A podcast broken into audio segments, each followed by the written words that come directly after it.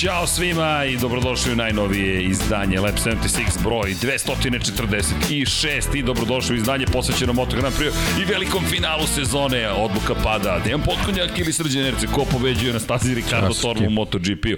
Šalu na stranu, da li je Francesco Banjaja novi šampion ili će to biti Fabio Quartararo, mada bismo mogli deki jedan Ricardo Tormo da provezemo ili još nismo spremni s upravljačem. Uveren sam da nismo spremni. deki je 100% siguran da nismo spremni, što naravno mene neće sprečiti da... Da, da mučiš ljude, da, može. Da briljiram naravno u celoj priči. Želimo vam dobrodošlicu, pre svega budite dobri, mazite se i pazite se i vozite i vodite računa jedni u drugima, ali pre nego što krenemo, samo da napomenem da je prošao ružičasti oktobar. Devojke ima ovde ovde jedna devojka koleginica iz prodaje koja kaže, znaš, imam ja ime, tako da ima ime ko je bio na sajmu knjiga. Pozdrav svima koji ste bili na sajmu knjiga, a i ko nije bio ili u virtualnom sajmu knjiga, pozdrav od cijele ekipe, koleginici iz prodaje ko je bio tamo upoznao ju je, tako da znate kako se zove. Ko nije, pa neka ostane makar mala misterija.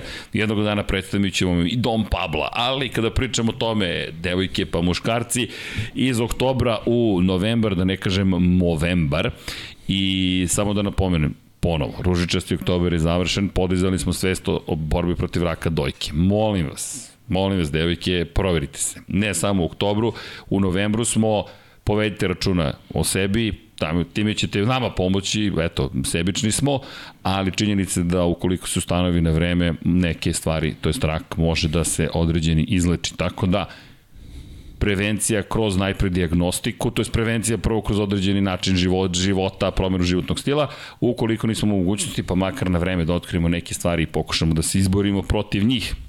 S druge strane, Novembar, momci, sada je vreme za nas. Deki, Vanja, moja malenkost, morat ćemo mi da obavimo naš deo posla ovu mesecu. Novembar je, pustit ćemo brkove, Deki ih već ima u sastavu svoje brade, kao deo motocikla zapravo to je ram koji nosi ostatak, ali s druge strane potrudit ćemo se da puštamo oga puta brkove, pokušat ću malo da guram ka Uh, ne mogu bez onih Hatfieldovih, meksičkih, nekako to mi najviše prija, ali zašto Movember? Čuveni pokret koji je nastao u Australiji, borba, to je podizanje svesti o borbi protiv raka testisa i generalno o vođenju računa o tim stvarima.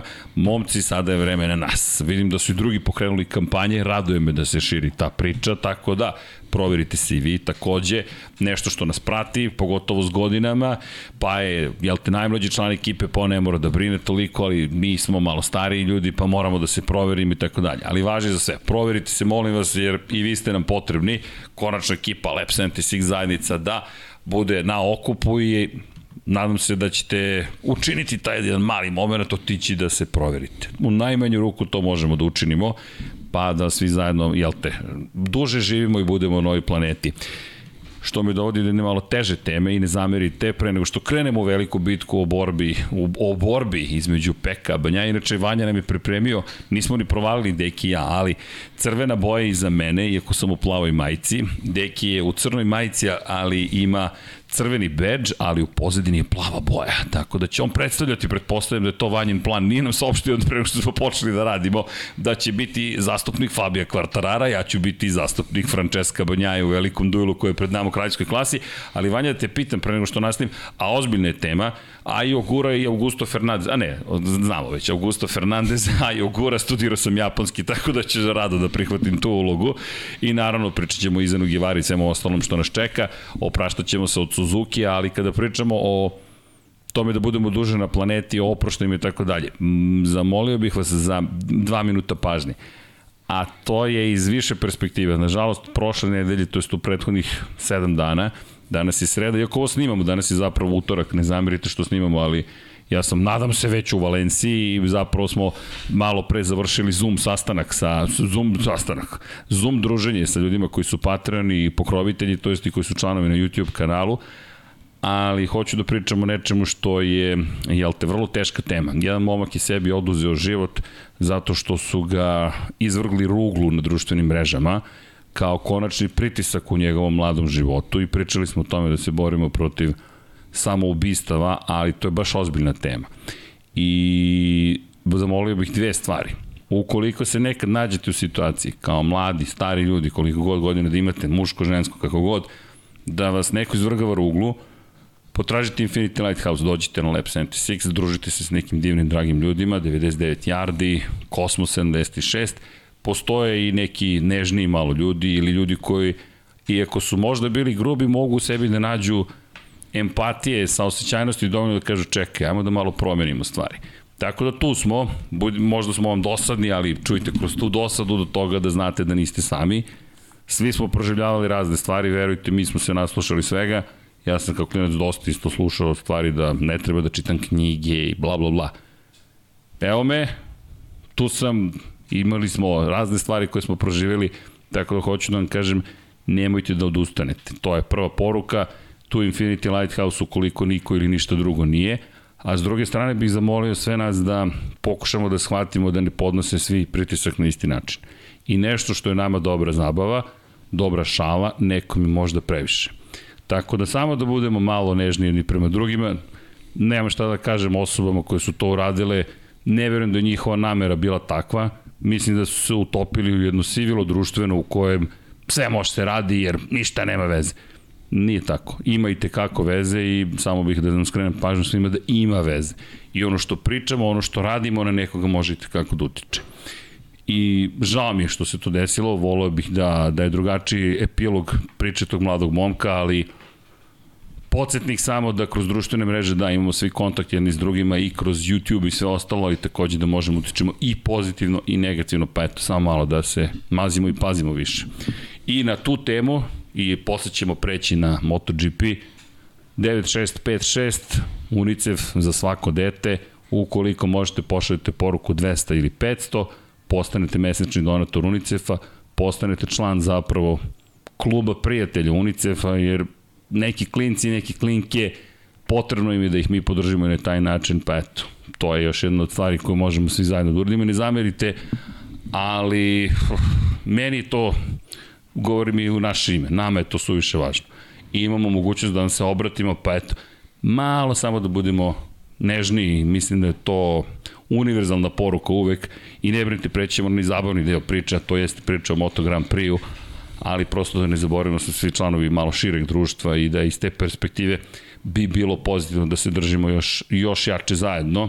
Još jednom, 9656, 200 ili 500 pošaljete i postanete mesečni donator UNICEF, a Mi idemo dalje, život teče svakako dalje, pričat ćemo nekim lepim pričama, pa možda te naše lepe priče, Moto Grand Prix i ostali vozači i timovi inspirišu na neke pozitivne stvari i Nadam se da zaista ono što dolazi pred nama jeste nešto inspirativno, a imamo mnogo priča, neke stvari nisu toliko lepe kao što je odlazak, na primjer, Suzuki, ali verujte, to je minorno kada pogledate neku širu perspektivu.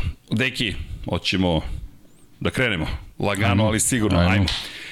Dakle, pred nama je šta? Odlazak u Valenciju i fizički i virtualno, s obzirom činjenicu da ćemo voziti večeras kada je reč o Moto Grand Prix-u i da ćemo se naći, jel te, na, na stazi Ricardo Tormo na, na više načina, ali ono što je najvažnije, naći će se, jel te, ljudi koji se bore za titulu šampiona sveta, naći će se pre svega u kraljevskoj kategoriji, Moto Grand Prix kategoriji, Francesco Peko Banjajan u Ducatiju, neverovatno pričaju pred njim, ukoliko to uspe, postaće prvi vozač od Casey Stonera i 2007. godine, dakle pre 15 godina je poslednji, a i prvi put Ducati imao jednog svetskog šampiona i to velikog veličanstvenog Casey Stonera, jednog od samo pet ljudi koji su osvajali titule na različitim proizvođačima, to je na motorima različitih proizvođača u Moto Grand Prix klasi, A sa druge strane, Fabio Quartararo će možda postati, pazite sad ovo, prvi višestruki osvajač titula i branilac titula posle Mark Markeza. S obzirom na činjenicu da je Mark Marquez 2018. to je 19.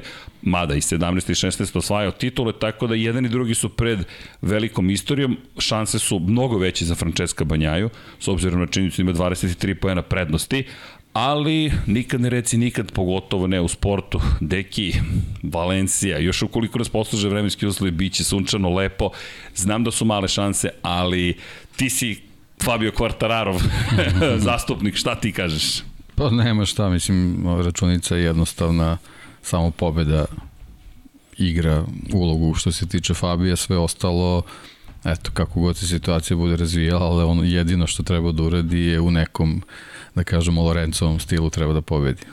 To je, to je jedini zadatak koji je pred Ali le, lepo si izabrao u, u, u stilu da. Jorge pa, Lorenza. to je, to je. Znači jednostavno mora da, da sakupi svu, svu svoju snagu i energiju ko, koju ima da, da, da, da na isti način sa sobom povuči kompletnu ekipu Yamahe i taj motocikl i da uradi eto, to jedino što mu, što mu je preostalo to, je, to, to su tih 25 bodova i da, i da pokuša eto, da na, na taj način sebi poveća šansu da, da stigne do te, mislim, to bi stvarno bila Ovaj to bi istorijski podvig bio da, da, se podvig. to da se to uradi, ali eto dokle dokle šanse postoje, treba se boriti. A znam da da on tako i razmišlja, tako da što se toga tiče, mislim da da nemamo nikakve sumnje da će on da da da, da sve od sebe da to i uradi.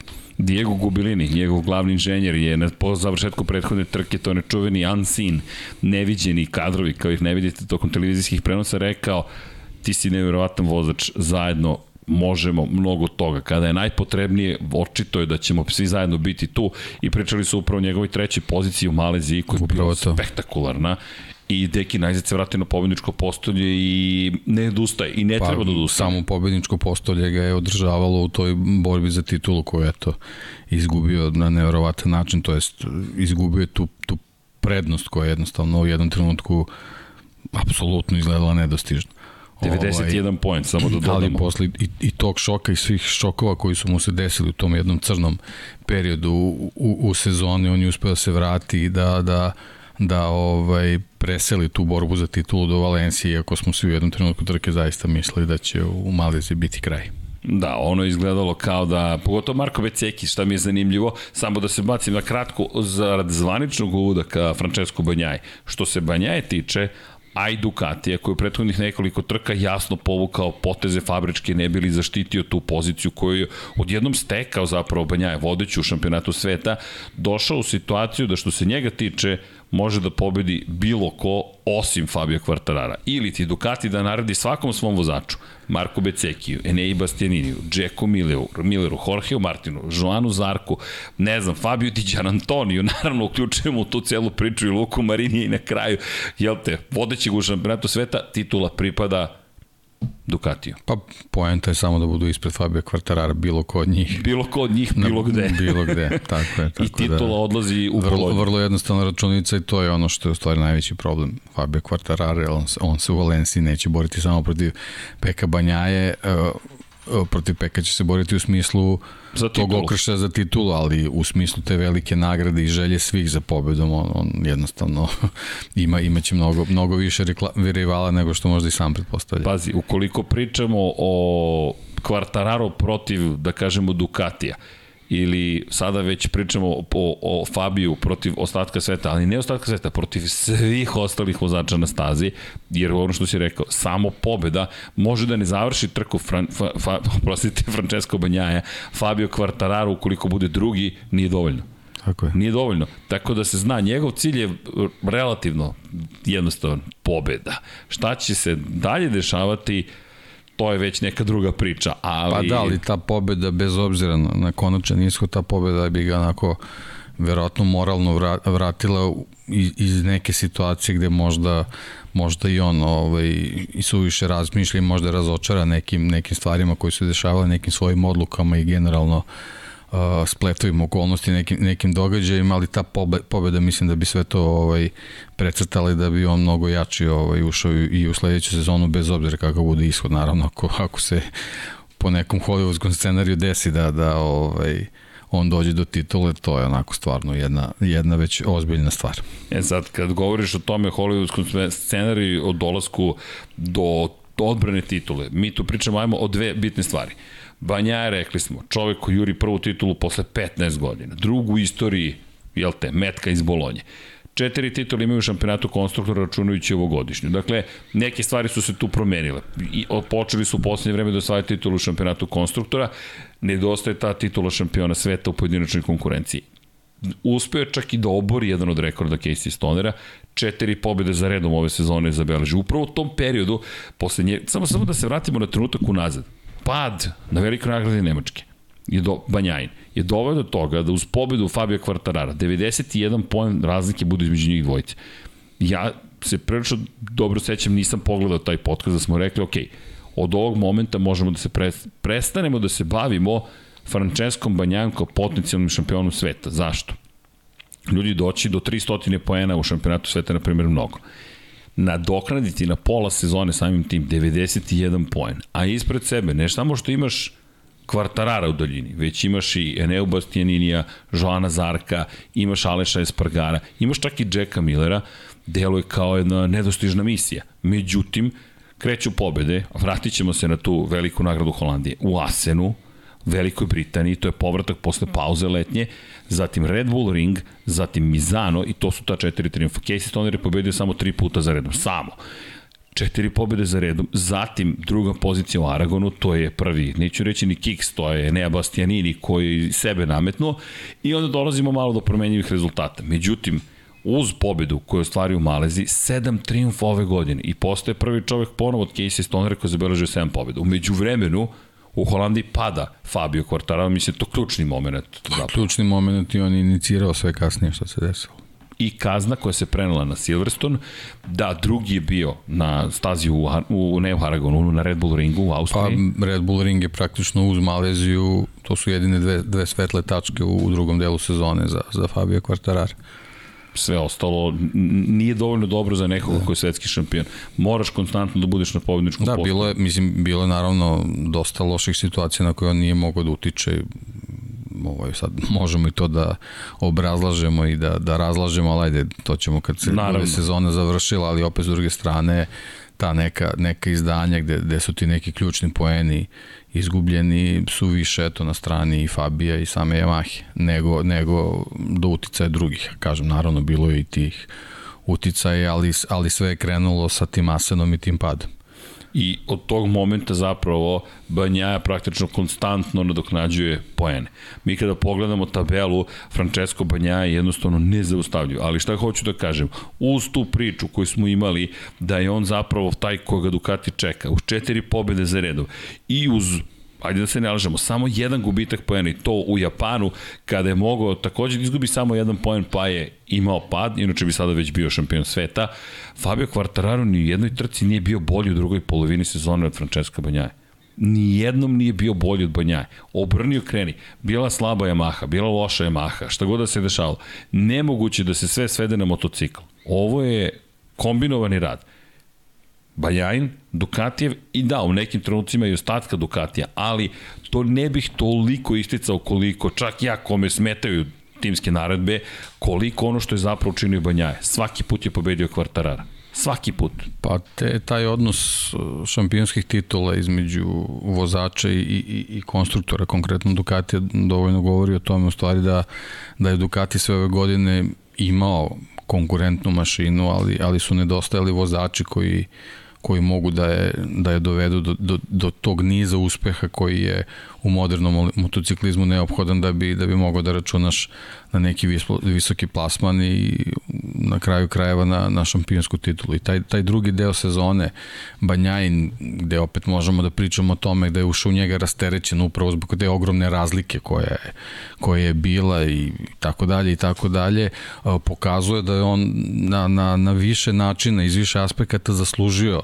da bude na ovoj poziciji na kojoj jeste i da, da, da je zaslužio taj epitet lidera Ducati u, ovom u ovom trenutku upravo zbog toga što su iz jedne jako, jako teške situacije pre svega na, na bodovnom planu, a onda kad se pogleda i taj kalendar koji je praktično mi smo imali pauzu u trenutku gde preostali broj trka kategorije da je praktično čitava sezona pred tobom iako si, iako si na polovini on, on je uspeo da taj, da taj drugi deo stvarno uradi na izuzetno visokom nivou i, i, i ta, ta kako bih to sad, sad nazvao, ta, ta prepreka u vidu Enea Bastianinija i, i to to, da kažemo, to, to oduzimanje pobede nije ništa, ništa spektakularno, pre svega zato što je šampiona, šampiona takav i, i tu je još jedna velika ovaj, prednost Peka Banjaje u ovoj sezoni da on jednostavno se nije obazirao na sve te neke prepreke i, i situacije koje su ga možda u nekom trenutku u tom drugom delu sezone kad je već krenula ta euforija ovaj, mogle, mogle da sputuju, međutim on je to stvarno onako ovaj, kao jedan ozbiljan sportista prihvatio, prihvatio je znači da, da, da su svi u tom ringu jednaki, da svako ima pravo da se bori za, za, za, za pobedu, jednostavno možda je i, i ovaj, zahvaljujući tom razmišljanju zaslužio da dođe u ovu situaciju da je eto, praktično na, na, na korak pred osvajanje titula. Da, nevjerovatno izgleda cela sezona iz te perspektive, pogotovo drugi deo, kada budemo radili analizu. Ne, taj prvi deo sezone, to je jednostavno njegova slaba tačka i to je nešto na čemu na čemu treba da poradi i ovaj, ako bude, ako bude uspeo recimo u sledeću sezonu, sad je daleko da, da pričamo o tome, ali ako u sledeću sezonu uspe da uđe na mnogo bolji način nego u prethodne dve godine, Peko Banjaje može da se svrsta ovaj, onda već u, u red nekih ozbiljnih motociklista, da ne kažem velikana, možda još rano pričati o tome, ali, ali kažem, ako uspe da, da, da ovaj, svoje potencijale, potencijale Ducatija sledeće sezone možda poveže na još bolji način ako uđu u neku ozbiljniju seriju Peko Banjaja stvarno ovaj, stvarno će biti u prilici da pišemo knjige o njemu. doći ću do knjige, pazi, doći ću do knjige, ali pre toga, pazi, Banja i Kvartararo imaju takav put ispred sebe, pogotovo Peko. A moramo da se vratimo do 1972. godine, kada reče o nekim drugim stvarima, kada pričamo sada o Peku Banjaj. Ljudi, 50 godina, dakle, kojim god hoćete, red, slovima, brojkama da napišemo, 50 godina je ove godine, od kada se poslednji put desilo da Italijan na italijanskom motociklu osvoji titulu u najjačoj kategoriji šampionata sveta u motociklizmu. Nema potrebe mnogo da nagađate. Giacomo Ago Agostini na MV Agusti, to je inače jedna od završnih faza u eri vladavine MV Aguste, posle toga Phil Reed je osvojio dve titule još na MV Agusti, ali polako počinju da se pojavljuju Japanci 1975. Pa, da, Agos Yamaha. upravo to što si i naveo nekako, bez obzira što ulazimo u tu neku novu eru Moto Grand Prix, mislim ušli smo već ušli definitivno, smo. ovaj, iz te perspektive imamo taj, ne, taj neki povratak u prošlost ovaj, i to vreme kada kada su evropljani i, i, i evropski proizvođači u stvari podigli taj, taj čitav svetski šampionat i nekako bili najzainteresovaniji da, da ostvare dobre, dobre rezultate u njemu i sad, sad eto nekako imamo tu situaciju s ovom Arbijom Ducatija na gridu i, i, i KTM-ovima i nekako letargičnim proizvođačima iz Japana, ili imamo tu situaciju sa sa praktično odustajanjem Suzuki-a, njihovim odlaskom sa, sa Hondom koja je nekako uh, bila zatečena sa tom povredom Marka Markeza i njegovim, njegovim dugim odustajem, jednostavno nisu uopšte uspeli da se povežu, ali daleko od toga da nisu želeli. I na kraju, eto, opet se vraćamo na Yamahu i Fabija, nekako njihov, njihov potpuno anemičan stav još, još, od, još od početka ovaj, pretprošle sezone i onih onih uh, skandaloznih grešaka sa, sa, sa delovima vezanim za, za proizvodnju samih agregata i, i nekako traljave situacije i pokušaja da reše, da reše te probleme. Ovaj, nekako tu su već bile naznake da, da, da jednostavno kao, kao da, da, da, se, da su se kod njih u organizacijom sistemu neki šrafovi poremetili i ovo, eto, nekako to je sve kulminiralo sa ovim ovim drugom delom Fabijeve sezone gde ni on nije bio na nivou, nije imao ni dovoljno sreće, a onda kao neki jako važan, možda i, i, i ključan faktor, rekao, rekao bih, i ključan faktor je ta Yamaha koja je jednostavno nikako nije bila konkurentna, čak je u nekim trenucima KTM koji, koji, za koji ne može se kaže da ima neku vrhunsku sezonu bio konkurentniji od Yamaha. I kada spominješ to, magično ime od tri slova, KTM, priča se da će kupiti MV Agustu.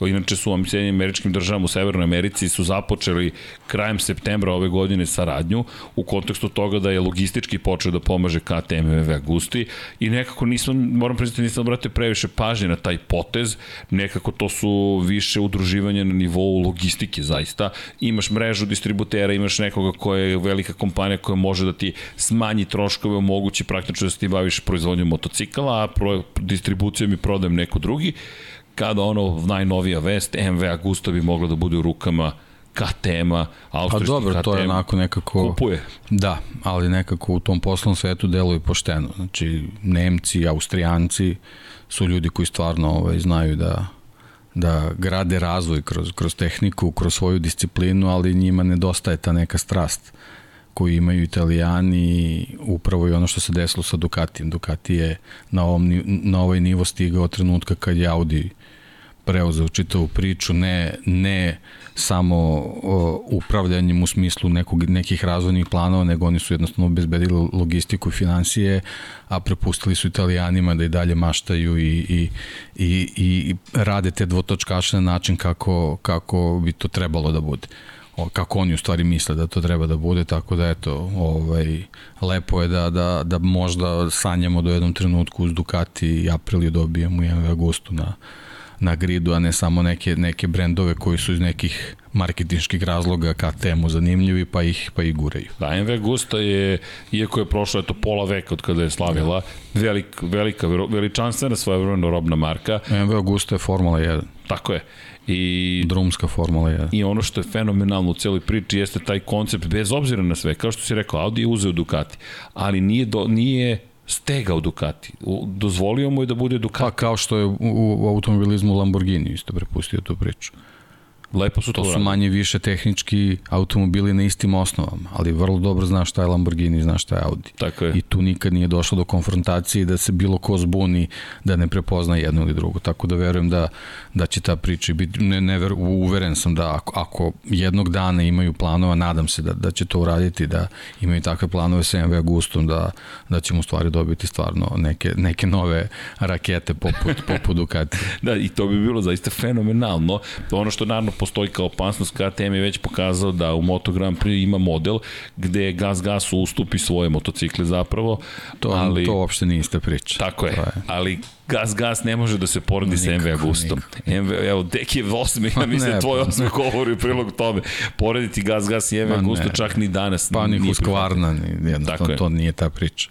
Ne, MV to je samo Augusta... rebrandiranje zbog eto osvajanja nekih tržišta. MV Agusta je ikona, to je to, to, to je jednostavno nešto što mora da, da raste iz svog DNK, a ti si tu samo da, da pomogneš na način koji nedostaje trenutno fabrici da uživaš da gledaš gde će njihova njihova razmišljanja Znaš kako meni to izgleda? Nisu, to je, zna se, nisu svi za biznis, nisu svi za inženjeri. Apsolutno. Inženjerima daj da rade tako inženjerski je, posao, nemoj da vode biznis. A tako ti vodi je. biznis i daj im platformu na kojoj će oni da uživaju, da se razvijaju tako i da obogate tvoj ta, ta, sada se to zove portfolio praktično brendova, usluga, to je smo proizvod u ovom slučaju motocikala i ja se iskreno radujem toj saradnji. Ne, to je, to je ta velika prednost evropskih brendova i, i tih čitavih evropskih sistema što umeju to da prepoznaju to je sad sad je došao taj trenutak gde gde nažalost te japanske fabrike ovaj koje su takođe onako nekako spremne za te inovacije ne mogu da drže korak zato što jednostavno nekako funkcionišu u tim svojim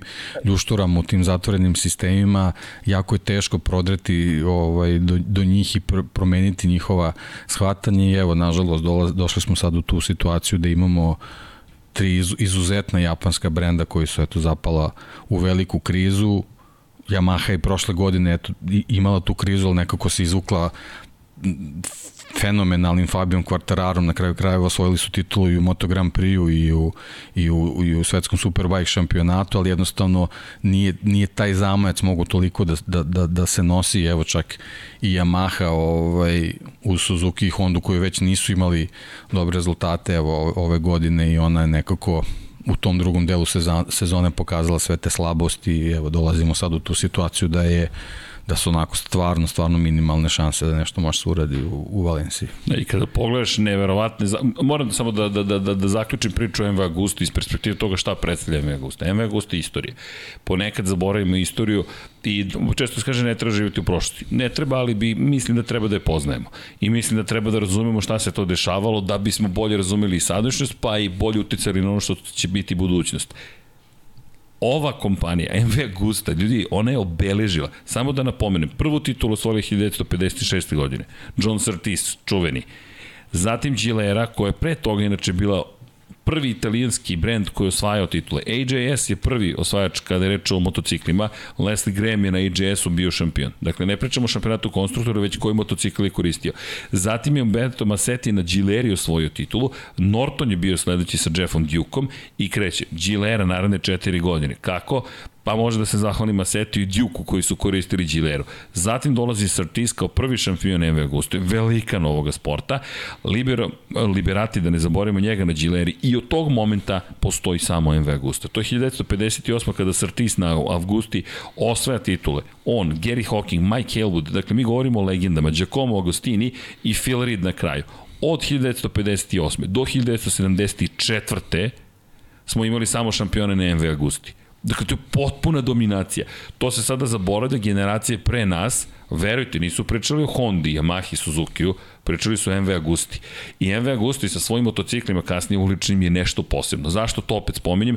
Phil Reed, poslednji MV Agustin šampion, poslednji italijanski šampion Giacomo Agostini, koji inače bio ljut na MV Agustu kada se pojavilo Moto2 klasi. Zašto? Rekao ovo je sramota da MV Agusto bude u Moto2 kategoriji. MV Agusto mora da bude isključivo u kraljevskoj klasi i Ago to nije oprostio novom menadžmentu koji je inače potpuno drugačiji. Menjala se vlasnička struktura godina godinama, ali ono što je bitno jeste da ovo može da spasi MV Agustu, ali ne samo da je spasi, da je stavi tamo gde mi mislimo da pripada i sada vraćam se na Banjaju, koji deki može da bude rame uz rame sa Agostinijem. To je Valentino Rossi pokušao kada je otišao u Ducati. Ne samo da bude prvi čovek koji je osvojio titule na proizvođačima, na, na motociklima tri različita proizvođača, ne samo čovek, jedan od vrlo redkih koji je na tri različita motocikla uopšte pobeđivao, već prvi italijan na italijanskom motociklu od velikog aga. Kada je to pokušavao, bilo je 39 godina od kada je Agostini to postigao 11 godina kasnije, jedan njegov pulen može da donese možda tu čuvenu desetu titulu VR46 Akademije u ovom slučaju. Do sada je Akademija osvara titulu u Moto2 klasi, zahvaljujući Franku Morbideliju i upravo Banjaji, sada može do titula u Moto Grand Prix. To su takođe istorijski momenti za Francesca Banjaji. Pazi koliko istorije ima u, u, u tituli ovog momka. Prosto, prosto mi je fascinantno kada pogledaš šta bi sve mogao da postigne ovog vikenda. Nevjerojatno. Ne, nekako, to nije primarno. Primarna je njegova titula, on kao pojedinac, ali kada uzmeš istoriju i pogledaš, wow. I još jedna stvar, ako to nije dovoljno, Banja bi mogao da postane šta? Prvi šampion iz Italije Moto Grand Prix klase od 2009. i Valentina Rosija. Rossi inače bio čovek koga su italijani čekali skoro 20 godina. Poslednji bio Franco Uncini koji je osvojio na Suzuki u titulu 1982. pre nego što je došao Rossi 2001. osvojio titulu. 2009. poslednja, sada 13 godina kasnije, evo jednog novog Italijana. Čisto da razumemo i te koncepte gde ovo stoji u, u, u, u, u, u celoj priči i onda ta vidi Tardoci koji pleše sa devojkom Francesca Banjaje. ne znam da ste videli taj, a ljudi potražite taj kadar. Tardoci koji pleše, u životu nisam vidio da čovjek se nasmeje tako, kao li da pleše, ali mora da sačeka. Još titula nije osvojena. I ono što me do čega me to dovodi, deki, ako ne osvoje titulu sada, ja ne znam za veći, ja ne pamtim veći sportski udarac u automotosportu, moram da ti priznam. Od toga, ti imaš dobijenu titulu praktično. Lewis Hamilton je izgubio titulu, na primjer, u 2007. godinu u poslednjoj trci, kao Novajlije koji mogu da postigne nešto neverovatno. S druge strane, Felipe Massa u Brazilu u Ferrariju sedeo misleći da je šampion. Bilo je srceparajućih momenta. Fernando Alonso u Ferrariju ubeđen da samo treba prati Marka Webera 2010. To ovako na pamet. Dakle, Valentino Rossi 2015. poslednja trka protiv Jorge Lorenza. Ali Ovde se sve skupilo, sve ovo što smo izlistali se skupilo i imaš 23 pojena prednosti. On, on pa da, ali ovo sve što si naveo, to je ta neka borba isključena to na nekom sportskom terenu, u nekim šampionatima za koje se pretpostavlja da, da tako i treba da se rešavaju, ra, da, rešavaju da. i razvijaju, znači nekom borbom. Ovde je ogromna energija, ogromne ma mašinerije, ogromna ulaganja finansijska su se ovaj desila apsolutno u, u, u prethodnom periodu sve sa ciljem da se dođe do, do te titule. Čak, čak uh, u trenutku kad su osvojili ovaj konstruktorsku titulu nisu se ovaj možda propisno ni radovali zato što su i u tom trenutku bili fokusirani na na na Francesca Banjaju i, i, i njegovu ovaj borbu za, za, za tu vozačku titulu, to je, jer to je ono stvari što, što, što se pamti, što se najviše i vredno i oni to vrlo dobro znaju i, i ovaj, izuzetno je važno da, da, da svu tu svoju energiju krunišu sa tom njegovom titulom i, i zbog toga je u stvari i, i, i toliki generalno pritisak očigledno više na njima nego na samom Francesku koji definitivno ovaj, je naučio kako se, kako se ovaj, podnosi taj pritisak u stvari kako se možda čak i ignoriše ta neka situacija, nego se jednostavno fokusira na, na neko svoje izdanje i eto, to, to, to, te rezultate je i pokazao i oni su ga i doveli na kraju krajeva do, do ove situacije pred, pred trku u Valenciji. Pa, nema šta, ja mislim da ovde negde moramo, ne da ni ne moramo da stanemo. Znaš, pokušam da vidim da li postoji još neki ugao koji nismo pokrili s cijele ove priče, koji Banja, Banja koji ukoliko osvoji titulu će nadoknati najveću razliku koja se desila u istoriji sporta takođe. Dakle, to je još jedna od stvari koja se ovde dešava. Ali... Pa, jako je važno da se to desi u ovom trenutku, jer se to toliko vrednuje, upravo zbog te sledeće sezone i te, te šume trka koje nas očekuje, gde se plašim da će neke stvari početi malo da se degradiraju i da se neće, ne, de, gde se neće toliko vrednovati. Tako da i, i za njega i generalno za kompletan imidž te čitave priče je jako važno da on, da on u ovom trenutku dođe do te tri titule da bi se na taj način i, i pričalo o njoj upravo kroz te neke činjenice koje si sad naveo. Francesco Banja je nadomak velike istorije. Još prošle godine je zabeležio pobedu u poslednjoj Rosijevoj trci noseći Rosijevu kacigu, polako ali sigurno se upisuje na neke mesta koja su redka i pride A to čovjek, je ovo mesto isto. Na to je isto ovo mesto Ricardo Tormo. Pride je prvi čovjek koji u istoriji pobedio na Mahindri, ukoliko to nekome znači, možda to samo meni još uvijek znači, ali ja nekako to posmetam takođe kao veliki uspeh. Nije to baš stvar koja se desila tek tako.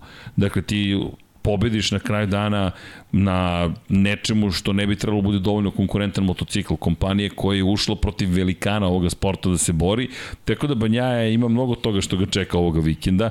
Što se tiče Fabio Kvartarara, ukoliko, da ne zaboravimo i njegove opcije, osvoji titulu, odbrani titulu, ući će u jedno prilično probrano društvo.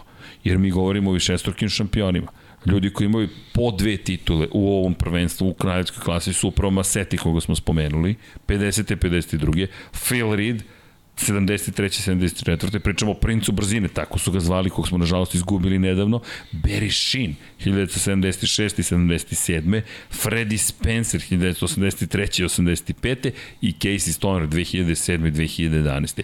Ima ljudi koji imaju više titula, to su Kenny Roberts, Wayne Rain i Jorge Lorenzo po 3, po 4 Jeff Duke, John Surtees, Mike Halewood i Eddie Lawson, 5 Mick Duan, 6 Mark Marquez, 7 Valentino Rossi, 8 titula Giacomo Agostini u kraljevskoj kategoriji.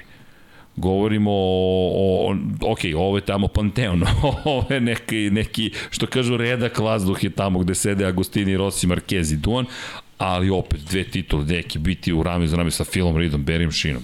Be, be, besmisleno ne, bio, je, bio je u sjajnoj, sjajnoj poziciji, a ovaj, glavna, glavno pitanje u stvari za Fabio Quartarara, on je, on je praktično tri sezone glavni konkurent za titulu. Bravo, deki, to sam zaboravio, ali ti kada pogledaš 2020. je trebalo da bude njegova i tamo i tad je imao prednost. Pobede na prve dve on je, On je znači u toj nekoj u tom nekom da kažem, kako bi to nazvao, normalnom razvoju situacije. On je, on je sad trebao da juri treću uzastopnu titulu i da ne da se upiše u, u, u, u velikane, nego da jednostavno postavi neke nove, nove standarde. Čekaj, ti treba da zastupaš stranu Fabio Kvartarara. Da. Pa da, da. treba, treba da. to vršiš. Šalim se, šalim ne, se, naravno. Ne, nije ovo, ovo je samo eto, podsjećanje, e, nije ovo konstatacija, konstatacija koja ne, ne, ne priča o toj nekoj negativnoj strani, nego jednostavno o, o talentu koji posjeduje Fabio Kvartararo i e, pre svega a, njegovim izazovima s kojima se susreće u, u prethodne tri sezone, jer, jer, ponavljam, nije sve što se loše desilo, daleko od toga da je to samo njegova krivica, tu ima mnogo faktora, ali on je zaista pokazao da, da u, u, u različitim situacijama stvarno ume da bude izuzetan, a stvari analize žda, zašto se ovaj posebno drugi deo 2022. ovaj zašto ima ovakav scenarij kakav je imao i koji prilično podsjeća, podsjeća na, na 2020. Da, ali, ali, ali, ja bih se samo na kratko osvrnuo i na njegovu prošlu sezonu, prvu šampionsku. Pazi, sad već imamo tu, moram ti pristiti da 2020. sam nekako pocenio u analizi, jer sam se bavio prethodnom godinom, ali kada pogledaš i prethodnu godinu... Ima mustra neka. Ima mustra. A mustra se zove loš đak u drugom polugodištu. Loš đak u drugom polugodištu. I ti kada pogledaš prošle godine, njegove pobjede, Doha, Portugal, Mugello, Holandija. To su četiri pobjede u prvom delu sezone. U drugom delu sezone Velika Britanija. Tačka. Kraj, tačka. Dakle, kada pogledaš drugi deo sezone, nije baš njegov. E sad, reći da je sve to samo do Yamahe mi je malo napeto. Ajde tako da se izrazi. Kada pogledamo 2020. činjenica, jedna specifična godina, dobijemo opet neke paralele. Tri pobede, 10 sezone i sve su se desile praktično u prvom delu godine. Posle toga dolazi pad. Pogotovo od Francuske, Aragona, Teruela i tako dalje. Prva pobeda u prvoj trci, u drugoj trci, zatim pauza, Katalonija dolazi kao pobeda poslednja. Dakle, mi govorimo o da se samo podsjetimo jedne stvari. Mi govorimo o skraćenom šampionatu sveta u tom trenutku. Mi govorimo o tome da mi imamo praktično 14 trka. Zanimljiva stvar je da je poslednju pobedu zabeležio zapravo u kojoj osmi trci sezone. Preostalih šest ništa. I sad imamo treću godinu za redom u kojoj se dešavaju iste stvari. Uh, mislim da... Znači kao što Peko treba da poradi na prvom delu sezone, tako, tako Fabio treba da poradi na drugom. I onda ćemo opet dobiti zanimljive šampionate između njih dvojice. da, njih dvojice su se baš podelili, da. da, da, da. da. Ne, ali, ali bih da pohvalim takođe Banjaj još iz još jedne perspektive njegovog napretka u, u odnosu na ono što smo viđali, što prošle, što prethodne. Jer prošla godina, na primjer, ali opet i tu je mustra što ti kažeš, kraj sezone je bio spektakularan za Banjaj. Potpuno su izbalansirani. I ne znam, ajde vidit ćemo da li će se to i 2023. dešavati, s tim što bih uveo u priču još jednog igrača, pored... Pa dobro, više njih. Više njih, ja bih jednog planski uveo, ukoliko smem komercijalno da se izda, nije čak ni komercijalno.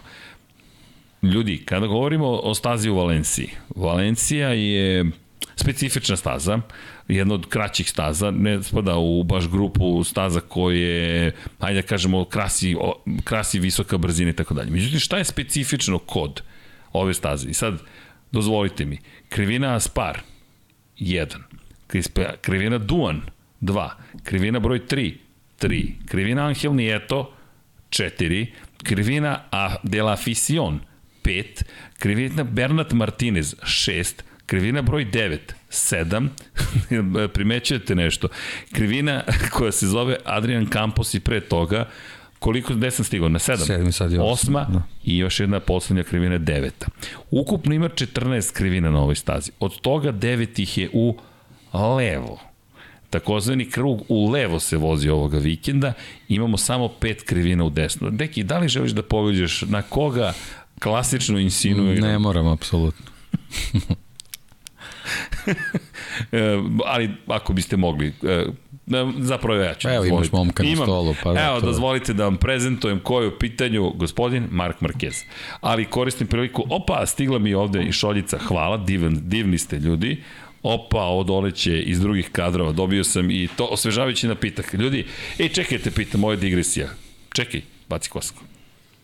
Milica i ti ste uradili knjigu, jesi zadovoljan? Jes, jes nasmejani Mark Marquez. Priča o 2013. godini. Prošle nedelje je već bila tu, sam ja zaboravio da donesem knjigu.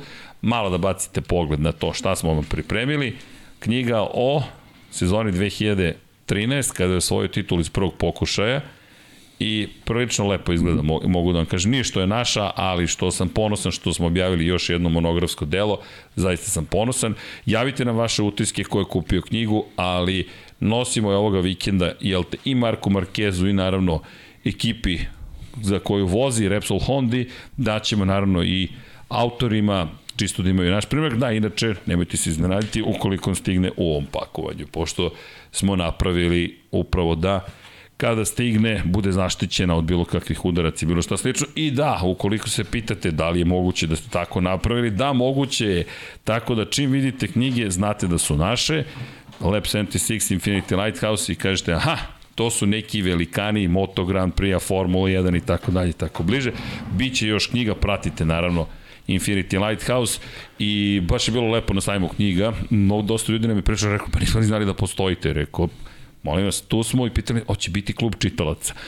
O, hoće, naravno moj odgovor je bio standardni, hoće. E, tako jako, da... jako lepo druženje i zaista ja sam se baš prijatno osjećao u, u društvu svih koji su nas posetili na štandu i to je onako eto ta još jedna veličina ove čitave zajedničke priče što stvarno ovaj neverovatno kako svi poseduju tu neku pozitivnu energiju s kojom dođu i s kojom pričaju o, o automoto trkama, postavljaju pitanja, iznose činjenice, stvarno onako, baš, baš sam uživao. Ovaj, nažalost nisam mogao mnogo vremena da provedem tamo, ali svaki minut koji sam bio bio onako super zaista. Ne mnogo lepo, ali čekaj deki, sve je krenulo od tebe. Sve je krenulo od prve knjige. Ko je, ko je od vas pitao da kad će Deki dobio knjigu, hvala mu, pošto sad imamo pet knjiga. Dakle, imamo dve Dekijeve, Schumacher Sena, imamo tri autorske, čekaj da, da ih pronađem, da mi je Kimi. Kimi mi nedostaje na stolu, ali dobro, kao, iza pored Dekija, iza Dekija, nemam pojma gledaš ga u oči. O, zvanje je sakrio iskusno oči Kimijera i Konena preko ramena. Gleda, tu nam je Kimi. Vidim da mi nedostaje. Kimi je takođe tu, tu su i Rossi i Marquez, a inače možete sada da iskoristite priliku dok traje pretprodaja. Pretprodaja će trajati dok knjiga ne uđe u štampariju, onda će biti 30% popusta je Formula 1 šampioni. Delo je prevedeno, trenutno je na sređivanju i imamo još par stvari, dakle konačna lektura, Deki je već prošao tekst i jesi ti zadovoljan kako to izgleda? Pa jesam, ok, mislim sad da, da ne ulazimo u detalje, ovaj, u detalje ali stvarno onako uh, jako zanimljiv uh, skup tekstova o, o bukvalno svim svetskim šampiona, šampionima Formula 1, onako štivo za, i za ljude koji, koji poznaju priču da se podsete, a i za ovaj, neke, neke možda budući ljubitelje Formula 1, eto da pronađu nekog svog favorita iz prošlosti, da na tim nekim njegovim iskustvima počnu da gradi neku svoju sliku o Formuli 1 koja je danas i koja će biti sad pred da. nama. Pa to isto je topla preporuka kada pričamo i, i o Dekim Higama i o Seni i o Šumacheru, dosta ljudi me pitalo od koje da krenem. Ne znam, zaista ne znam, ali onda sam rekao, pa krene hronološki, Ayrton je došao pre Mihaela i, i stoji jedan momak i gleda obe knjige i sad lomi se, da li jednu, da li drugu. Ja kažem, pa kupi Senu za početak, pa eto da se upoznaš sa, a onda upoznaš čoveka koji je nasledio Senu kao, kao velika novog sporta. Hoću, hoću, hoću. Ja se sklonim i kako se vraćam kupuju Schumachera. I ja kažem Schumacher, a ja sam Ferrarijev navijač. Rekao, ba, kupi šta da, god. Da, bilo je različitih ovaj, objašnjenja zašto jedna ili druga, zašto prvo jedna, zašto druga, zašto se nekom sviđa jedna ili druga, ali onako stvarno onako interesantno, interesantno zapažanje su bile. Yes. Zaista hvala svima. Da, i ako imate bilo kakvu želju, ideju, samo nam pišite, mi ćemo se potruditi da, da, da to uradimo. Svesni smo mi da smo mi zajednica možda malo u nečim očima, ali znate kako mi, mi to gledamo. Jedan čovek je dovoljan da, da sve ovo bude vredno truda kamoli kad nas je više, tako da mi to ne gledamo u nekim brojevima, apsolutno već u upravo ovome razmeni energije i pozitivne energije, pozitivnih emocija, zato i pričamo i mazite se i pazite se i dajte da širimo taj jedan lep duh, neku vedrinu. Da li su vremena teška? Pa nekad su teška, nekad su laka, možda je dug period nekih težih vremena ili čega god, šta god da se događa, ali ljudi, ljudi smo, ne, da, ne I generalno sve ove knjige koje, koje stižu kao licencni izdanja, stižu sa, sa izvora koji već imaju neki rating koje su Jest. ostvarile ne, neke, neke ovaj, zapaženije uh, rezultate, da tako kažem, u, u, u, u, ovaj, u nekim svojim regionima, tako da ima, ima razloga zašto se određene knjige pojave, pojave ovaj, u našem izdanju. Da. Marquez, na primjer, konkretno je jedina autorizovana knjiga koja postoji, koju on autorizovao, to smo želeli. Što se tiče Valentina Rossi, toliko dobro poznajemo Meta Oaksleya, Rossi je upoznat sa delom i Rossi koji ne samo prihvatio, nego oni i Oakley su mnogo vremena proveli zajedno. Kimi Raikkonen je dao autorizaciju za svoju biografiju, i to je rekao prva i poslednja što se njega tiče autorizovana U njegovom stilu, da. ne, meni pogledni s njegovom suprugom je, je najfrapantniji, tal, toliko pisao Kim jednu rečenicu, ostavljam da otkrijete sami. Dakle, vrlo interesantna, interesantan pristup, ali to je Kimi i tako da smo baš mnogo sreći i da, spominjem, isto tako potražite knjigu shop.infinitylighthouse.com, ne samo ovu, sve knjige, bit će još nekih stvari koje smo dosta ljudi pitalo za razne majice i toga će biti, dajte nam samo malo vremena, čak ni ja više ne žurim jer sam shvatio da ću pregoreti ukoliko Pa ne, dobro, ovaj, ovaj period je onako bio kako bih rekao, sprint trka na 800 metara. O, da, da. počelo je sa, sa Red Bull showrunom, u stvari sve je počelo sa, sa dolaskom Red Bullovog bolida. Tako je, još u aprilu. I u aprilu i tad, tad se neki, neki ritam, da kažem, ustaljeni pomerio i nekako onaj tsunami je tad krenuo i još, još se talasa. Još se talasa. Da. A onda smo najzad bili završili da. Rossi, onda smo ušli u prevođenje drugih stvari. Leto nekako kao da se ništa ne dešava, dešava se puno putovanja, po neki odmor, kao odmor, završnica sezone, s druge strane stigao je Red Bull Showrun. E da, jedna molba, uh, ponovit ću je i, pošto je ovo snimanje, pa ću je kasnije ponoviti u, i, i u Lab 76 245 za Formula 1. Svi koji ste bili na, na, na, na showrunu, molim vas, nismo uspeli u brzini da skinemo sve radove, vaše fotografije i vide. Mi dalje planiramo da izmontiramo ceo materijal. Molim vas, ja se izvinjam što već to nismo preuzeli od vas, vi transfer ili bilo šta slično, pošaljite na lab76.infinitylighthouse.com i verujte, napravit ćemo u pauzi između dve sezone nešto što je vaše delo zapravo i da ga nazovemo na zajedničkom koprodukcijom, bit će na našem YouTube kanalu, Dakle, da vas molim, pošaljite, jer prosto to je ono što je suština. I da, znam da je digresija poduža, ali šta ćete, ja se nadam da vredi i činjenice da je posle toga došla i izložba i to predivna izložba, posle toga ja ne znam više šta smo radili, pripremali se za sajam, pa smo izašli na sajam, pripremali knjige takođe umeđu vremenu Inače imamo još jednu izložbu, izložbu Valentina Rosija, Matt Oaksley nam stiže zajedno sa Harim Katak, ne, ne, ne, ne, ne stiže Harry Kotak, Harry Kotakain, izvinjam se, Henk Kulimans nam stiže, Henk Kulimans koja fotografisa Rosija i predstavit ćemo karijeru Valentina Rosija od 1. do 7. decembra u galeriji Štab u okviru galerije koja se zvala Galerija Beograd, sada se zove samo Galerija, tako da znate na isto mesto gde ste upoznali Cveletove i Andrejeve i Sa, Andreja Isakovića radove, tako da znate stiže izložba MotoGP-evaca. Ali da se vratimo na ono što će biti i tema izložbe, to su trke Mark Marquez i Valencija kao da mu je povrh svega bilo potrebno još i to, Fabio Quartararo će morati da razmišlja o Marku Markezu. Marquez koji je rekao duga, čudna, naporna sezona se bliži kraju. U petak Honda planira da testira nove delove za 2023. za Mark, sa Markom Markezom. Mark je rekao, Honda je rekla da sam ja čovjek koji treba da testira delove, da sam ja taj koji to treba da učini i ja ću to da uradim u petak. U subotu, ukoliko se budem osjećao dobro, zamolit ću ih da me puste da se zabavljam kada ti osmostruki šampion sveta kaže hoću da se zabavljam na Valen, u Valenciji, gde je i osvajao titule više puta i pobeđivao, znak je da bismo mogli da gledamo i spektakl u njegovoj režiji. Takođe, što opet ne odgovara Kvartararu, jer ukoliko pobedi Mark Marquez, Francesco Banjaja postaje šampion.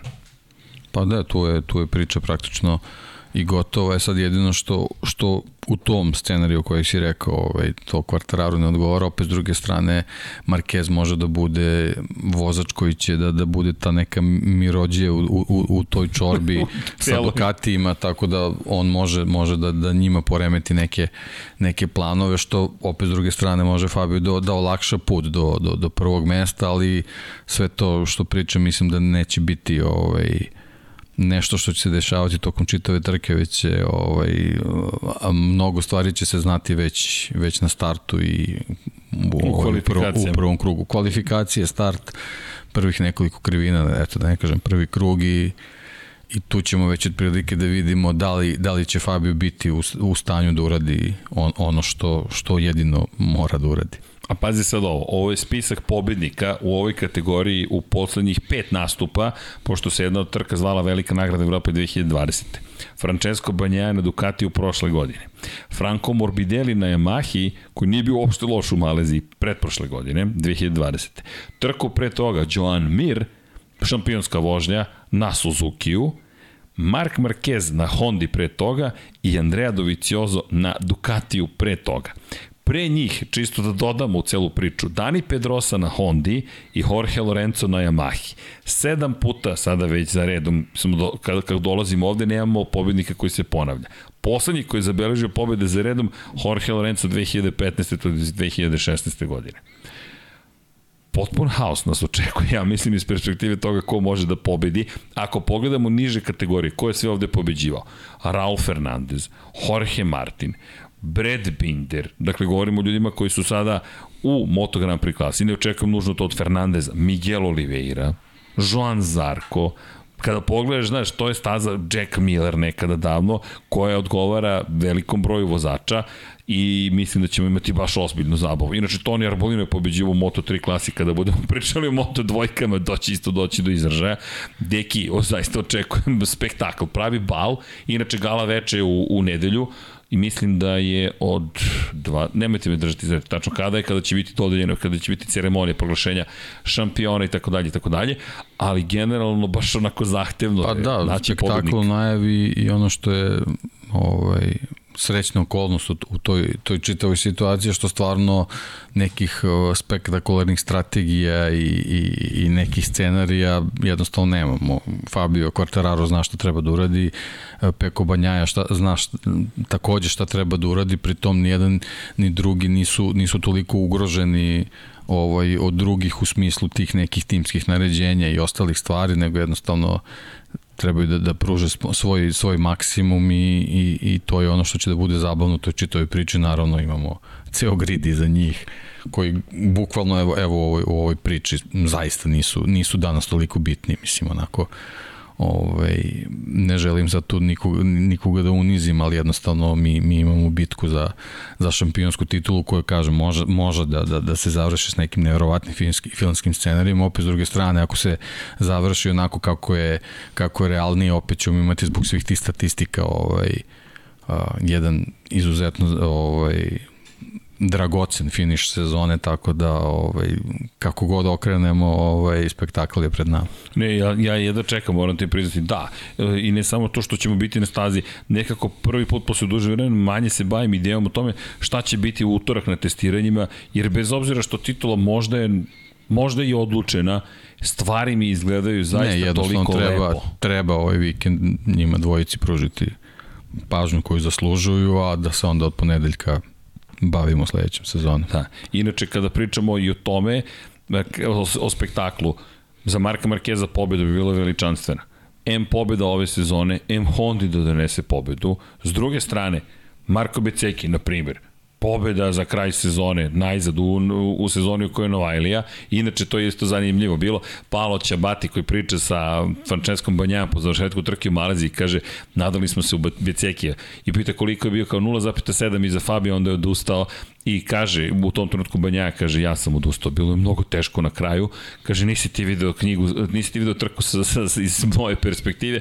I Ćabati kaže nije mi dobro ceo dan, kaže, i Banja ga pita si bolestan, kaže ne od, od nerava Ćabati vrlo iskreno, kamera koja sve čuje, kamere, zapravo mikrofon koji sve hvata na kameri i vidiš Ćabati koji, koji iskreno kaže da ovde nije mi bukvalno bilo dobro, još uz Bastianinije koji je stalno tu negde i tu negde i tu negde, koji takođe u ovoj igri, zamisli je ne da se oprosti pobedom i da stigne u fabrički Ducati kao čovjek koji ima pa, pet ne pobeda. samo to, ta pobeda će značiti njemu treću poziciju u generalnom plasmanu, što uopšte nije mala stvar ovaj, njegov menadžer je pričao da je ozbiljna razlika u, u bonusima za treći i za četvrto mesto u šampionatu. On naravno, Jack Miller. on je menadžer pa pričao, pre, pričao o tome, naravno, ovaj, novac je na, na prvom mestu i, i, i procenti, ali, ali to u stvari govori o tome koliko, koliko ta, ta borba uopšte nije beznačajna i koliko, koliko će ta pobeda njima značiti bez obzira da li će njome pomoći ovaj, Peku ili neće. Jednostavno, svi se fokusiraju na svoju pobedu, tako da samo im je olakšana situacija time što, što će Ducati na, da navija da bilo ko od njih pobedi. E naravno, u, u, u, to, u tom nekom karavanu, ne računići Peka, Enea je na, na, na prvoj poziciji, poziciji zbog svega što radio ovaj, tokom ove sezone, mada ne znam, nisam baš siguran koliki je favorit za, za, za pobedu Valenciji, ali toliko puta nas iznenadio da, da možda može to da uradi ovoga puta. Da, i nije samo nas iznenadio. Inače, zanimljivo je Daniela Petrućija. Daniela Petrući koji je rekao da iznenađem uspesima koje je ostvario ove godine zapravo Enea Bastianini kao da niko osim tebe, ja mislim, nije očekivao baš ovakav napredak Enea Bastianinija, ali ako smijem da nas pohvalim, ja sam, sam ga pitao koliko puta ćeš da pobediš, pod tvojim uticajem direktnim, ali i nekoj veri u Eneu. Eneu kada vidite uživo, vidite čoveka koji je spreman spreman je za velika dela i baš je bilo zanimljivo posmatrati ga ove sezone. Inače, apropo te bitke između svaka čast, ba, inače deki, spominjem te često zato što ti si čovek koji u Mizanu 2020. rekao to je taj dečko. To je taj, ja sam u njega verovao u, u moto trojkama i znam da sam se svađao oko toga tvrdeći da je ekstremno talentovan i odustao sam u jednom momentu od njega, pomislio sam ne. Ovo je kao šibice koji izgori. Jednostavno prebrzo izgoreo, nekako je pao Međutim, Ital, Ital Trans ga je tako oživeo, on je sebe oživeo. On je oživeo Ital, Ital Trans. Tako je, da, da. tako je. I sada I došao imao je te emotivne trenutke zbog čega mi je ovaj, stvarno delovao kao upečatljiva ličnost kako je preživeo čitavu situaciju na Red Bull ringu. Uf.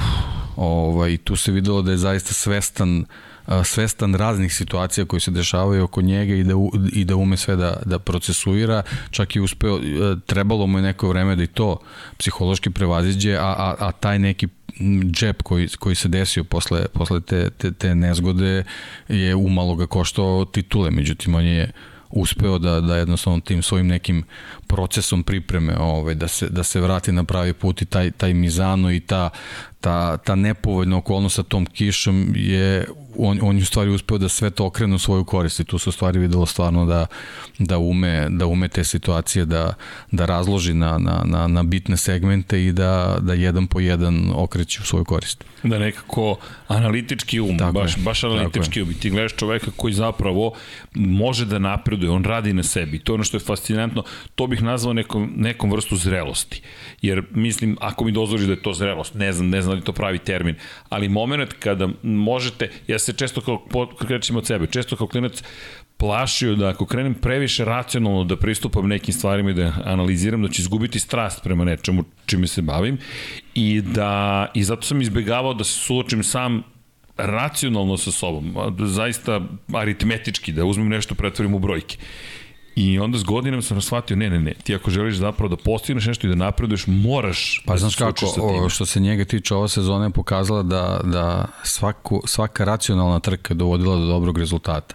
Svaki put kad ga je strast, kad ga strast kad povede, preovladala. kad strast preovlada, on on je završavao padom ali bukvalno padom, čak nije, ne, ne ni sa lošim brojem bodova, nego bukvalno pad. Ali to je taj moment. Kako... Ali dobro, ovo, ovo je ta sezona za njega i mislim da je i za njega jako važno da pobedi u Valenciji, ne, ne zbog sad tih nekih brojki oproštaja od, od Gresinija pobedom i tako dalje, tako dalje. Njemu je zbog, zbog čitave pa priče, bonusa. zbog čitave priče sa ulaskom u fabričku ekipu Ducati je jako to, to, važno to. da on u nju uđe kao pobednik koji je doneo titulu Pepu to, to, Banjaje. Jer to je, to je, pazi ti sad tu izjavu, to je statement što kažu amerikanci, baš to je način na koji dolaziš. Ja sam pobedio, M imam pet pobeda, Gresini pitanje kada će sledeći put imati da. pobednika, kamoli petostrukog pobednika u sezoni. Zatim dolazimo do toga, Banjaj sam dao titulu, nisi ali jesi. Da. I utorak... Iako ste tvrdili suprotno, evo ja sam. evo, da. evo, tako da. je. Ja utorak testiram. Pazi, da. meni to već... Uf. I onda i on, sad, sad tu kreće taj, da kažem, najveći poslednji izazov njegove karijere. Tako kako je. će se prilagoditi fabričkoj ekipi Ducatija koja se ove godine već opredelila za svog favorita. Za svog Jer znamo kako italijani to rade. Tako On, je. Oni to neće kriti. Peko Banjaja će biti njihov ljubimac, to, to svi znamo.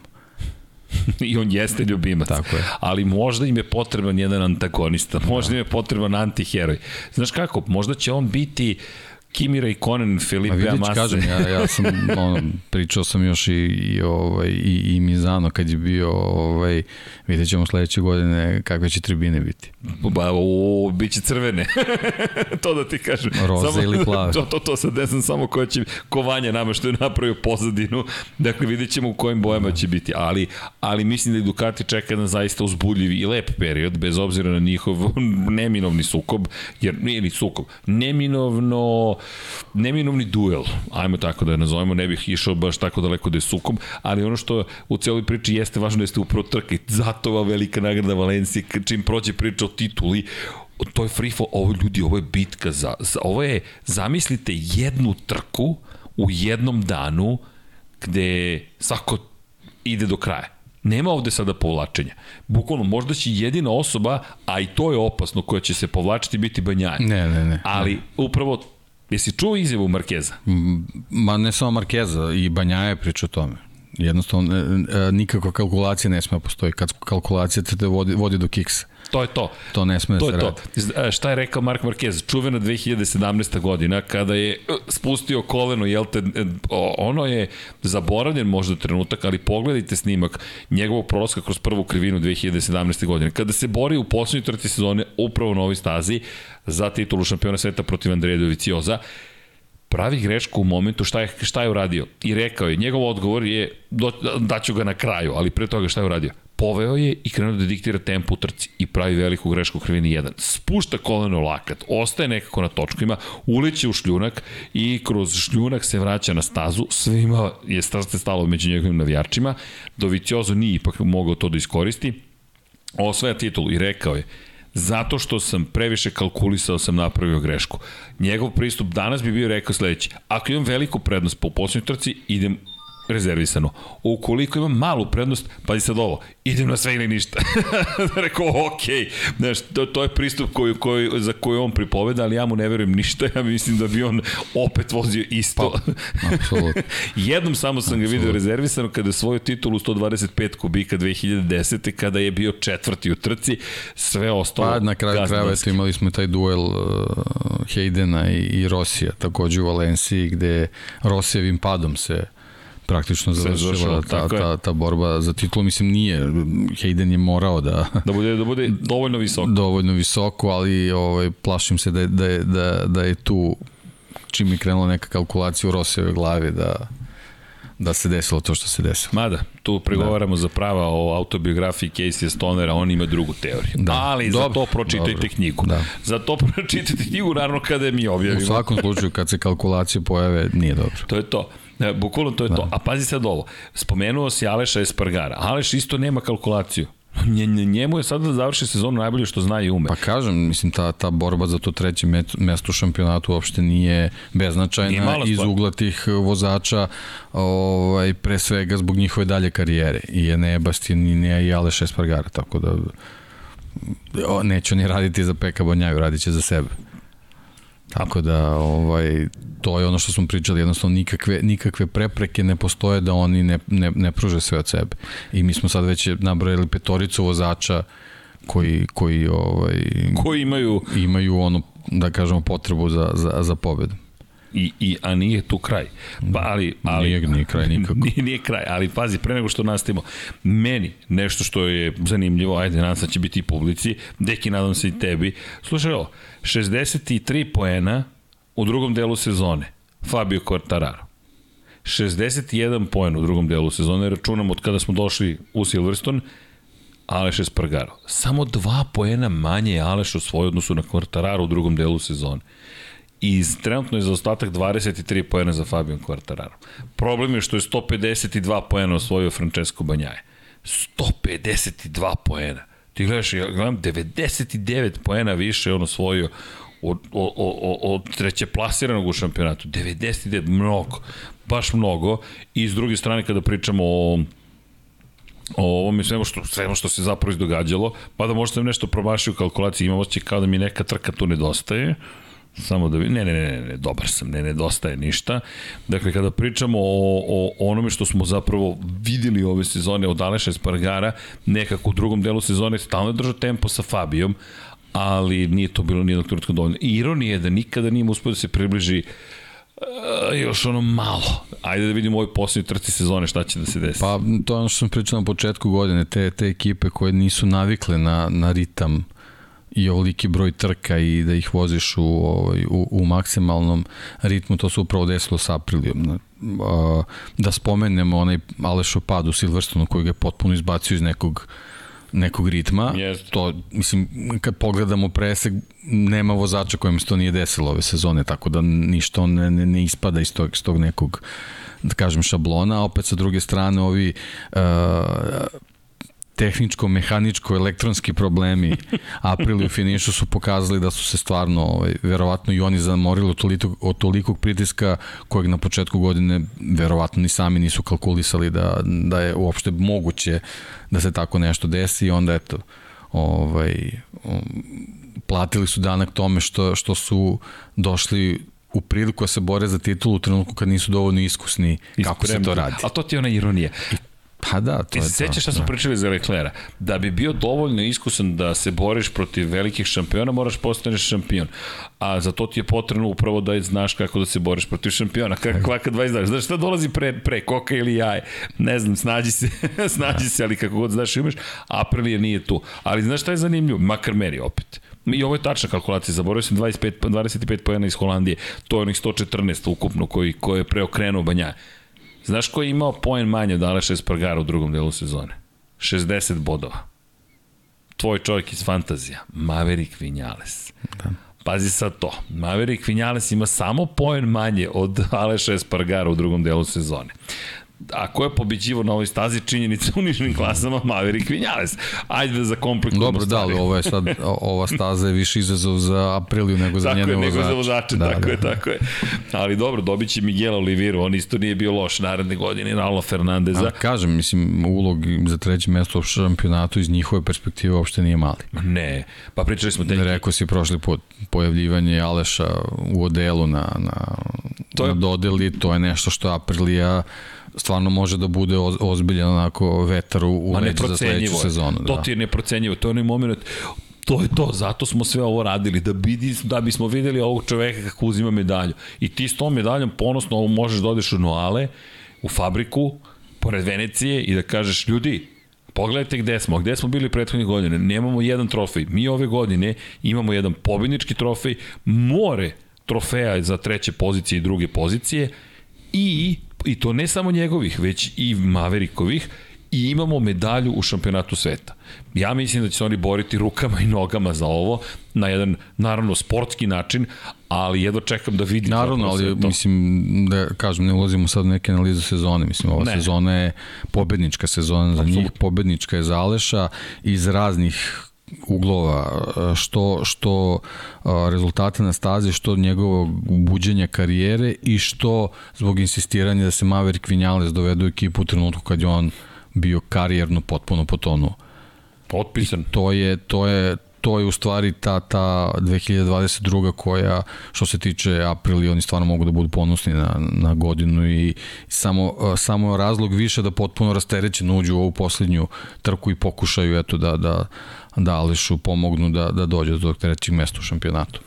I, a tu nam nije kraj spiska, dodamo još i Luku Marinije u celu priču, čisto da pa spomenemo. Pa dobro, dodaješ ceo Ducati. Ceo Ducati sve, praktično. Sve vozače na Ducatiju dodaješ, ovaj, osim Diđe koji, eto, nažalost i on je pričao, ne može svako da izdrži psihološki pritisak koji donosi Moto Grand Prix i on je očigledno momak koji je onako prilično emotivan i ovaj, e, najgori su trenuci kada radiš u životu ono što najviše želiš da radiš, a onda počneš da se ovaj, suočavaš sa situacijom da da u, u, u nekim trenucima ovaj, ti je previše svega toga i da bi naj, najređe želeo da prestaneš. Tako da, ovaj, eto, nažalost, on je, on je taj koji je onako javno odlučio da, da istupi da, i da priča o svojim problemima, ali a, samo ta njegova priča uh, ovaj, koliko god teška bila iz, iz njegove perspektive nam samo pokazuje koliko su svi on i svi ostali vozači pod ogromnim pritiskom kad se bave ovakvim sportom kao što je, što je Moto Grand Prix. I da ne možemo da uzimamo te stvari zdravo za gotovo, samo na osnovu nekih rezultata na koje dobijemo posle trke u nekom PDF-u i to je, to je mnogo više od toga. Pa to je ta ljudska priča koja je najvažnija. Za, zašto i o nekim stvarima insistiramo, zašto spominjemo te momente i pričamo o, o mentalnom zdravlju. Ljudi smo, nismo da. brojevi. Što se mene tiče, sledeću trku navijam jednostavno za Diđu da, da ovaj, da završi tu, tu, tu sezonu na najbolji mogući način i da se odmori i da, da, da, da, da porazgovara pre svega sa sobom i da se što bolje spremi za, za sledeću godinu ili nastava karijere ili kako god gde gotovo bude bilo. I iz te perspektive lepe vesti imamo koje nismo spominjali, trebalo bi i imaju veze direktno sa Suzuki, Franki Karčedi, čovek koji je zajedno sa Joanom Mirom došao do titula šampiona sveta, glavni inženjer Joana Mira, s jedne strane ne ide dalje s Mirom, ali će postati glavni inženjer Fabija Diđan Antonija naredne sezone. Ljudi, Diđa dobija... Kažem, osim ako Diđa ne prelomi nešto drugačije, nadam se da neće, da ovo nije bila najava za to, nego da jednostavno samo nam je ispričao da mu je stvarno ovaj, ova, ova sezona je pokazala koliki ovaj, psihofizički nas, uh, uh, napor iziskuje sezona u, u Moto Grand Prix. A sećamo se kako smo pričali o prošle godine da je on bukvalno na, na polovini sezone praktično odustao od svoje Moto2 ovaj, karijere praktično kako bi se što bolje pripremio odmorio za ulazak u Moto Grand Prix. Da, i... A za sledeću sezonu sve ovo puta dva.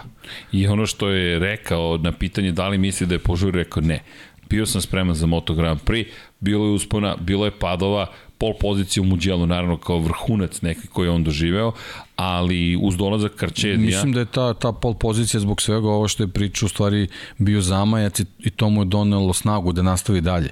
Da nije bilo te pol pozicije, pitanje kako bi, kako bi se ova sezona završila za njega. Ja, jedva kažem ti, čekam da vidimo i, i taj jedan moment koji koji pokazuje opet ljudski napredak, znaš, da ti kao neko, ono što je rekao Prijelum je svakako što je imao uz sebe Neu Bastianini, ako sa kojim je prijatelj. Ono što sada se postoje kao pitanje Alex Marquez stiže i rekao je za Aleksa iskusniji i od mene i, i od Bastianinija i jedva čekam da vidimo kako ćemo raditi, pogošto što dolazi neke druge priče i razmišljam baš o Aleksu Markezu, ne, neću da na tu temu jer bit će vremena za to analizu, ali samo kratko, Alex dolazi sa potpuno drugim pristupom trkanju, ne mislim samo na stazi, već način na koji radi kroz procedure prolazi, kroz vikend trkački, zanima me da li to Gresiniju takođe može da pomogne da bude još bolji tim. Naravno, naći novog Eneu Bastianini nije lako, ali Pobediti pet puta. Ne to je baš, čekaj, da. četiri, četiri. Dobro, da, da, da, ti si stvari. Neki, čekaj, i ti i ja smo... Vedi... Ne, četiri, pol pozicija i dobro, sve to. Da. Ali ko zna... Pol pozicija nije pobeda, ali ko da jeste. Vidiš u napred. Da, da, ali da. vidi, znaš ko bi mogao? Šta je rekao Diđa? S kim sam se borio u Moto dvojkama? Borio sam se s Eneom. To mi govori da mogu i ovde da uspem ima smisla, ok, to ti treba. Ali da, osim Ene, to ste, osim DJ, verovatno većina može da triumfuje na Ducatiju. Ono što, na što bih se osvrnuo jeste, međutim, upravo Suzuki. Deki, uh, ponovo oproštaj, nekako ovoga puta mi deluje zbiljnije nego kada su se povukli na kraju 2011. Deluje mi kao u ovom novom prosto novom vremenu u kojem živimo uz ne znam odluke da se ukinu motori sa unutrašnjim sagorevanjem od 2035. godine u Evropskoj uniji o tome da se naravno vrši elektrifikacija ne bih otvarao tu temu ali da se svet menja svakako da Suzuki u momentu kada napušta šampionat koji ne možemo reći da u ovom trenutku raste u ovom trenutku stagnira volili ga ili ne u kontekstu nekih brojeva i Suzuki odlazak je veliki udarac i ne vidimo odjednom neku kapeslu kao što se u Formuli 1 desila da Honda koja je otišla zapravo ostane ovde mi malo drugačije delo i malo sam više zabrinut da je pitanje da li ćemo više Suzuki videti u, svet, u, u ovoj kategoriji. Pa ne, generalno već smo pričali Moto Grand Prix ovaj, kreće neki neki, neki, neki drugi pravac i, i jednostavno te, da kažemo, te male, male fabrike ovaj, mogu samo da pokažu da koliko su spremni ili nisu spremne da, da, da se uhvate u košta sa tim novim izazovima. U Suzuki su odlučili eto, da, da preseku u svetlu kompletne te ekonomske i krize i te loše situacije, ali mislim Uh, jako lepa stvar je što, što Suzuki u svim tim svojim kampanjama uvek uspe da napravi jedan veliki rezultat i oni su ovaj, nekako posebna priča koje, koje imate te dolaske, velike povratke, velika imena koje voze za njih, legendarne vozače. U, u, u svakoj kampanji imaš neku jako, jako interesantnu priču, a ovaj, nekako je jako teško uopšte zamisliti da, da, da će u, nekoj skorijoj budućnosti postojati, da će se pojaviti situacija da, da u Suzuki ponovo ponovo pomisle za, za neki povratak, ne bih rekao sad ono, nikad više se neće vratiti, naravno, to je onako ovaj, no, mnogo daleko i, i, i mnogo ozbiljno, ali, ali ovaj, stvarno mislim da, da, da će proći dosta vremena možda će se i, i tu pojaviti neke, neke nove vlasničke strukture, ali kažem, ono, poznajući kako Japanci funkcionišu i na koji način idu, idu ti, te njihove filozofije u, u, u tim nekim razvojima i pojavama u različitim šampionatima, teško da, da, da ćemo u skoro vreme videti nešto što, što će se zvati Suzuki. Ovo, eto, ali kažem što se ove kampanje tiče, eto, ostaje nam da, da, da onako ovaj, da im se divimo, divimo na tom pokušaju, da im se divimo na, na izboru vozača, na, na uspevanjem da pre, prevaziću ovaj, velike poteškoće odlaska, dolaska vozača, svađa, rasprava, svega onoga što, što, što možda u tom nekom ovaj, japanskom sistemu oni nisu navikli, uspevali su to da, da prevaziđu, uspevali su čak eto da, da, da, da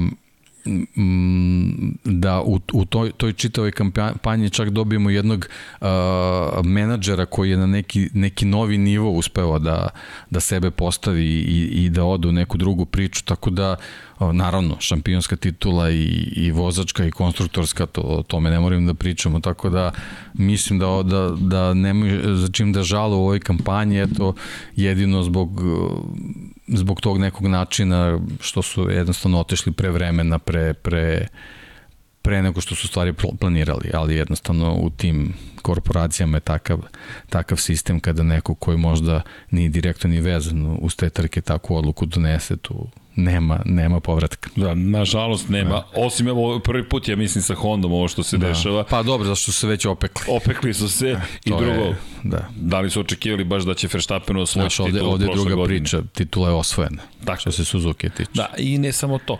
E, Honda kao da imam utisak da nije očekivala ni vrtoglav rast popularnosti Formule 1. Prošla sezona mislim da je svima bila veliko iznenađenje. 2020. godine se zapravo povukao, povukla, Honda je saopštila da, da se povlače na kraju 2021. Onda osvajaju titulu u dramatičnoj trci u Abu Dhabi u finalu sezone koja će se zauvek pamtiti protiv moćnog Luisa Hamiltona i moćnog Mercedesa. Dolaziš u situaciju, čekaš da Max Verstappen s našim motorima koji se zovu Red Bull Power Trends osvajaju još jednu titulu, obara rekorde, 14 pobjeda već ima ove sezone, možda 16 u godini i sve to nekako kao da menja neke stvari. S druge strane Suzuki, zato kažem u ovoj atmosferi, lepo si rekao, rekao, ok, možda sam ja previše dramatičan, verovatno uvek, ali šta da radiš? Nekako mi se plašim da li će se vratiti. Da. Mada, i prošle put kada su otešli smo bi se pitali da li će se ikad vratiti u jednu vest. E, vraćamo se, ali nećemo sa V4 motorom, već težimo sa rednim postavljanjem četvoro, četvorocilindričnim motorom i dovodimo Davida Brivija da vodi tim.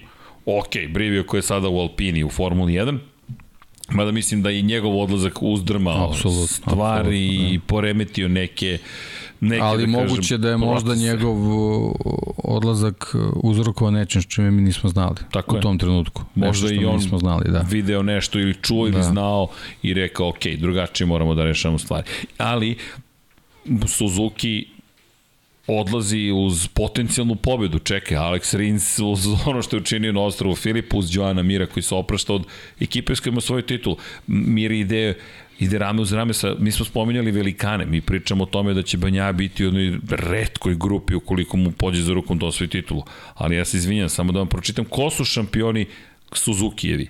Barry Shin, prvi Suzukijev šampion, dve titule.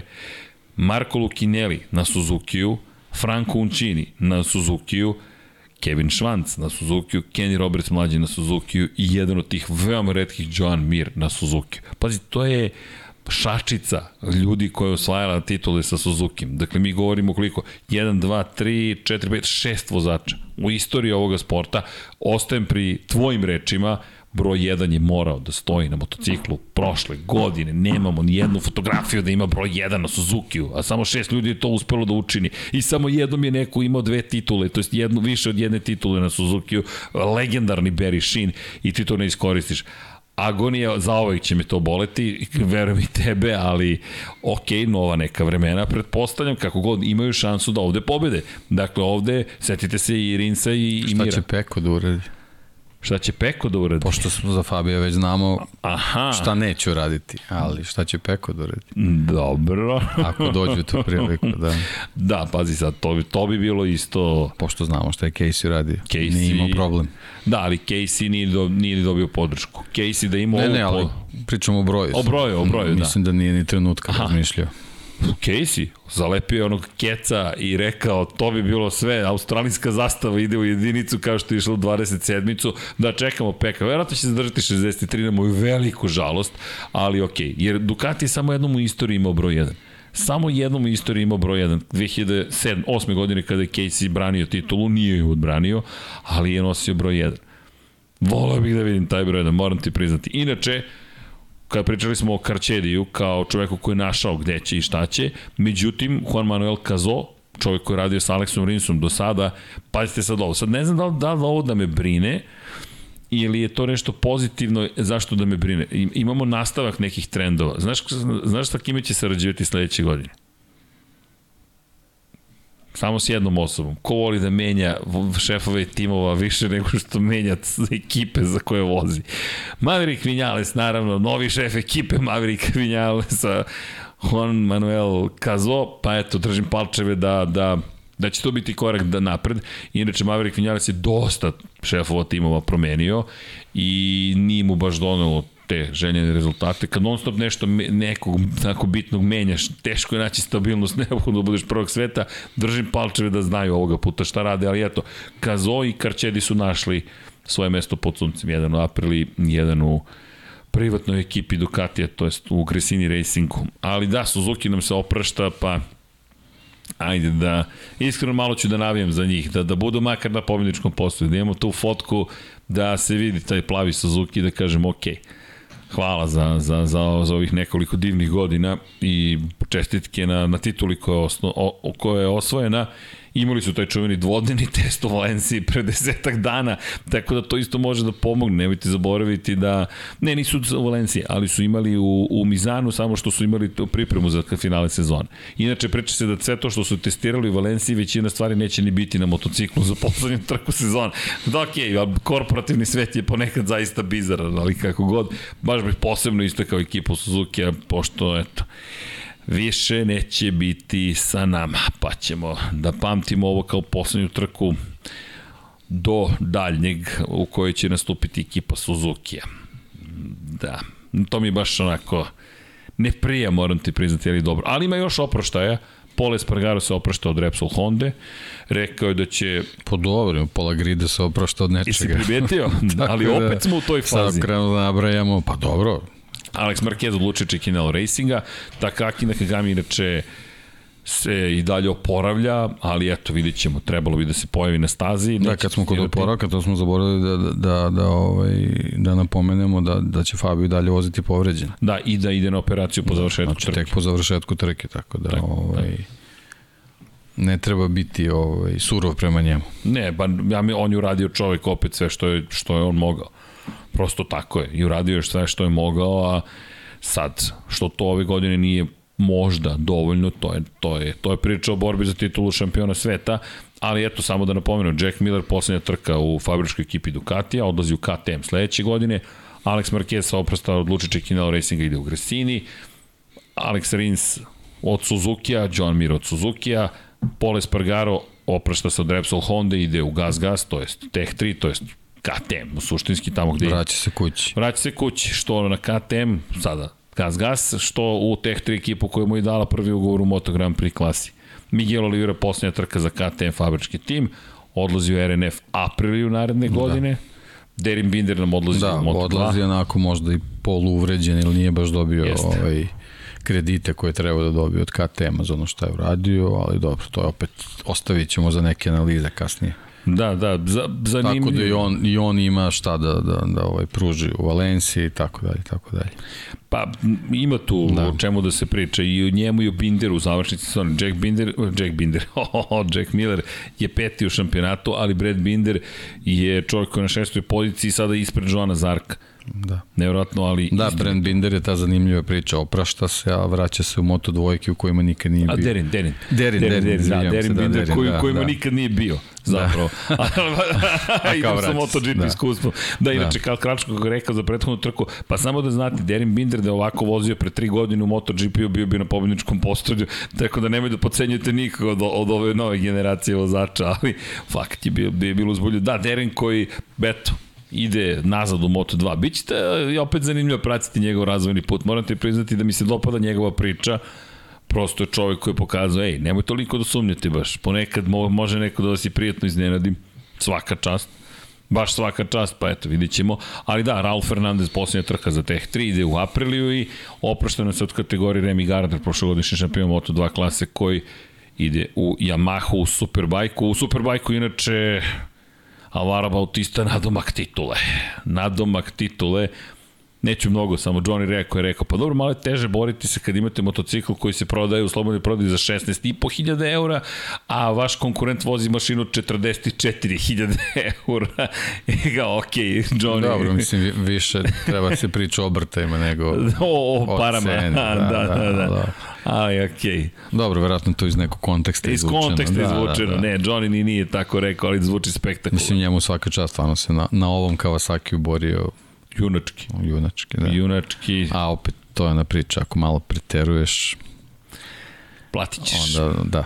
U jednom trenutku... A on, on imao izbor ove godine, zaista. Pa to su one čuveni momenti kada jednostavno... Prvo, u, Alva, Alvaro imao ozbiljan nalet na početku godine, onda se kasnije i Toprak probudio i stvarno mu je bilo teško ove godine da se protiv dvojice bori. Teška sezona, da. generalno kada pogledaš teška sezona. I polako se privodi kraj. Ali eto da, Superbike će biti interesantan sledeće godine. Uf, bit će još bolji da. nego ako je to moguće. A, ali, pričaju, mo, a tek moguće. Za, tek za 24. pričaju, da pošto se spominje Janone, tako da biće to, da, Andreja. to, to je onako kulminacija, može da bude svega. Čekaj, Andreja da, Janone da bude, kao da bude gledani šampionat od Moto Grand Prix. pa ne, kada pogledaš koje da. ličnosti ćeš imati tamo. Imaš bad boy Janone, a, koji se posle kazne za doping i četiri godine potencijalno vraća. Imaš izgnanike iz Moto Grand Prix koji žele da pokažu da možda vrede više nego što im je dato za pravo. I pokazali Imaš, su. I pokazali su, tako je. Imaš Toprak razgatli Oglu koji nije ni dobio šansu u Moto Grand Prix. Da, i ponovo eksplicitno rekao, isključivo fabrički motocikl. Pa, ako idu Moto Grand Prix. Pa, vidi. To je okej okay stav. Da. Stav je u redu, ti si šampion sveta u Superbike-u i vremena su se promenila, nema više potreba ti kucaš na neka mala vrata i onda dolaziš do Johnny Rea koji je Johnny Rea, tačka, institucija kulture, sporta i zabave koji ima puno pravo da kaže ljudi... Plus neki starosedeoci tamo koji su onako u Superbike-u eksperti. Jesu. Još dodaš Skota Rednilja koji je uvek zanimljiv, prosto je uvek zanimljiv, niti dođeš do toga i još gledaš i proizvođače i gledaš i koliko investiraju i šta se događa i kažeš pa čekaj, ovaj šampionat ima neku vrlo zanimljivu priču, onda pogledaš koji se proizvođači uključuju u super sport, pa kažeš pa čekaj šta se sad zbija.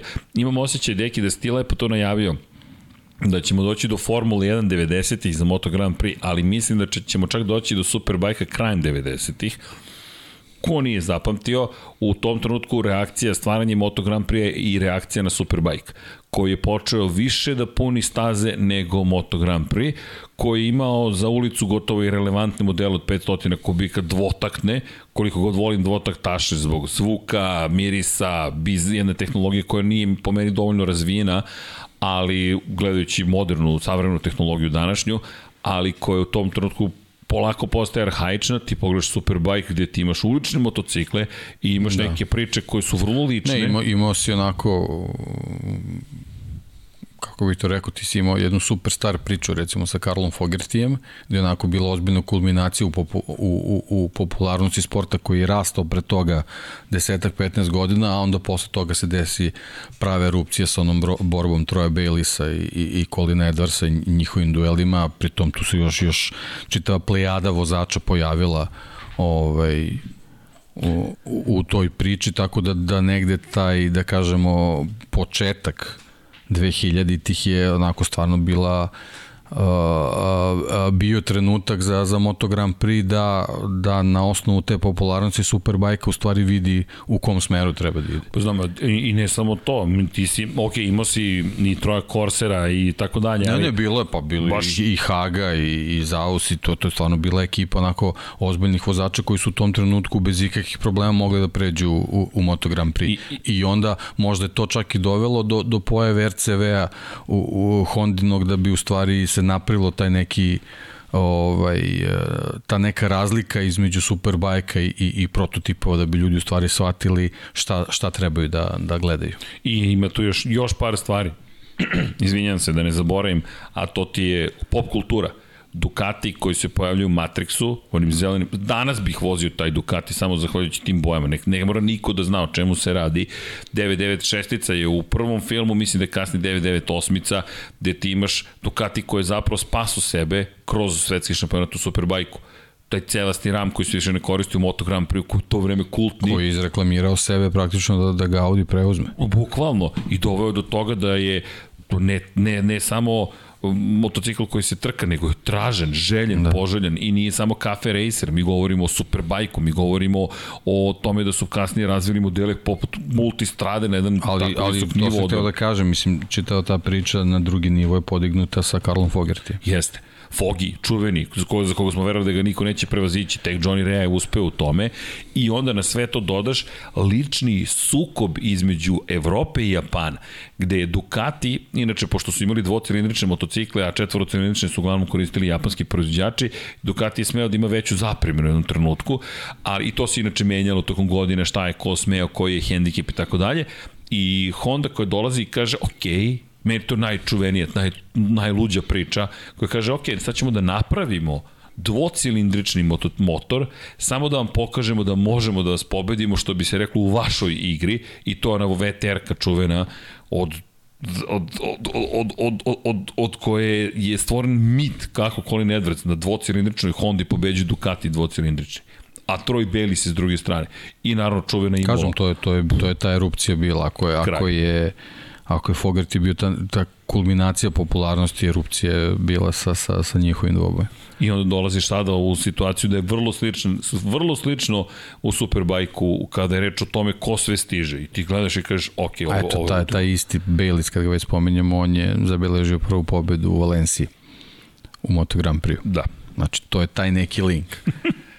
ne, ja I ta neka Ducatijeva priča koja je vezana za, za Valenciju pri čemu, pazi, spomenuli smo samo njih par, Michaela Van der Marka smo zaboravili, koji čovjek Pa dobro, kažem, to je ta neka plejada koja tu egzistira tako je, tako je. u, u Superbajku i koji su tu, tu da, da u svakoj trci mogu da da ovaj vode ozbiljnu priču naravno u zavisnosti od spremnosti motocikala vidimo da su tamo svi proizvođači zagrejani da da da ovaj već u sledeće sezone ne, nemamo, mislim, odlično je što smo ove godine čak imali tri, tri proizvođača, i, i Ducati, i, Kawasaki, i ovaj, i Yamahu, a ako se tu još neko priključi, to stvarno ovaj, preti da izraste u, u ozbiljno, ozbiljno dobar šampionat kakav smo imali u poslednjoj deceniji 20. veka. Ali znaš ko nam pravi problem, mada i radost nam donosi, za koga ćemo da najavimo sledeće godine? Loris Bass broj 76 i čovjek koji zna, a Baz se penzionisao, imamo makar Čenka i to je to, nema niko 76 ću da koristi, to je naš broj. I sad se Baz vraća u Superbike, čekaj čoveče, aj dobro, imamo za koga da nabijemo. Dobro, sad imaš dokaz da nisi, da nisi zbog njega. da nisam zbog njega. Ali to bi bilo zabavno, morate predstaviti da sam bio, bio vrlo, vrlo srećan kad se shvatio, ok, imaćemo svog vozača u Superbajku. Kontaktira ga kaže koliko košta da nosiš ovakav broj da. u ovom dizajnu. Cijena sitnica Nica, halo da. Bing, kako brat. E, ali vidi, da, plan je svako da ga kontaktiramo, kažem, čisto na broj, pa moraš da nam budeš gost pa moraš da nam budeš gost, ali dobro, to, to su pripreme već za sledeću, i mi imamo pripreme za sledeću sezonu.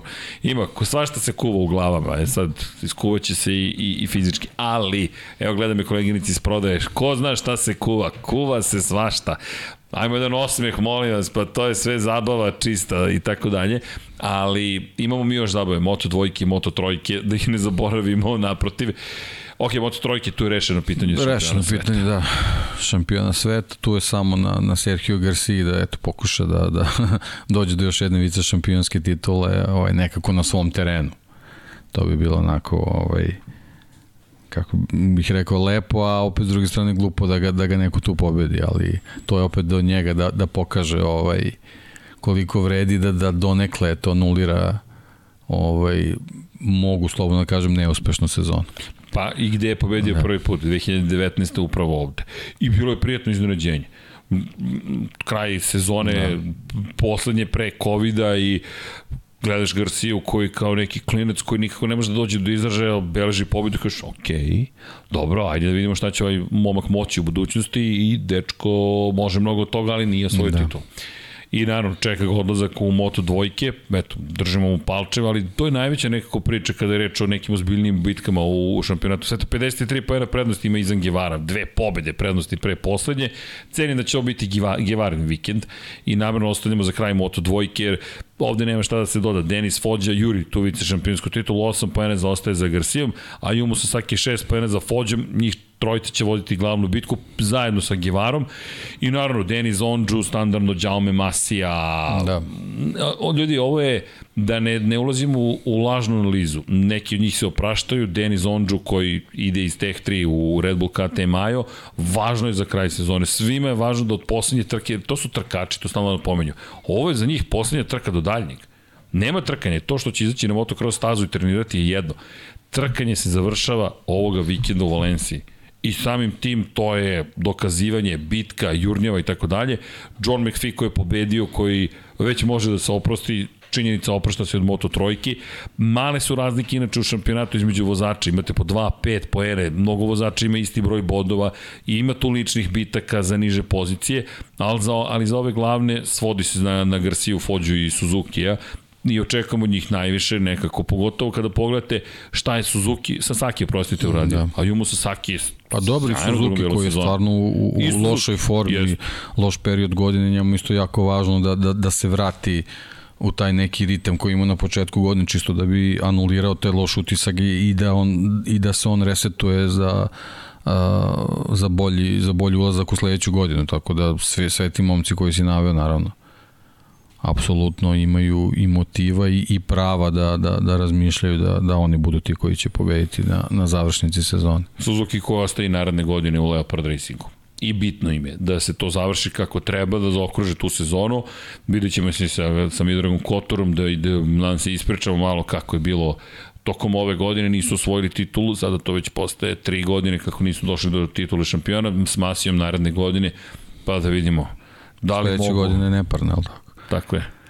Pa jedno su propustili, ali to pa da dobro, pripišemo da. vanredno stanje. To je bilo opravdano. To je da, bilo vanredno stanje, da. tako je. Tako da njihova da. mora da bude sledeća.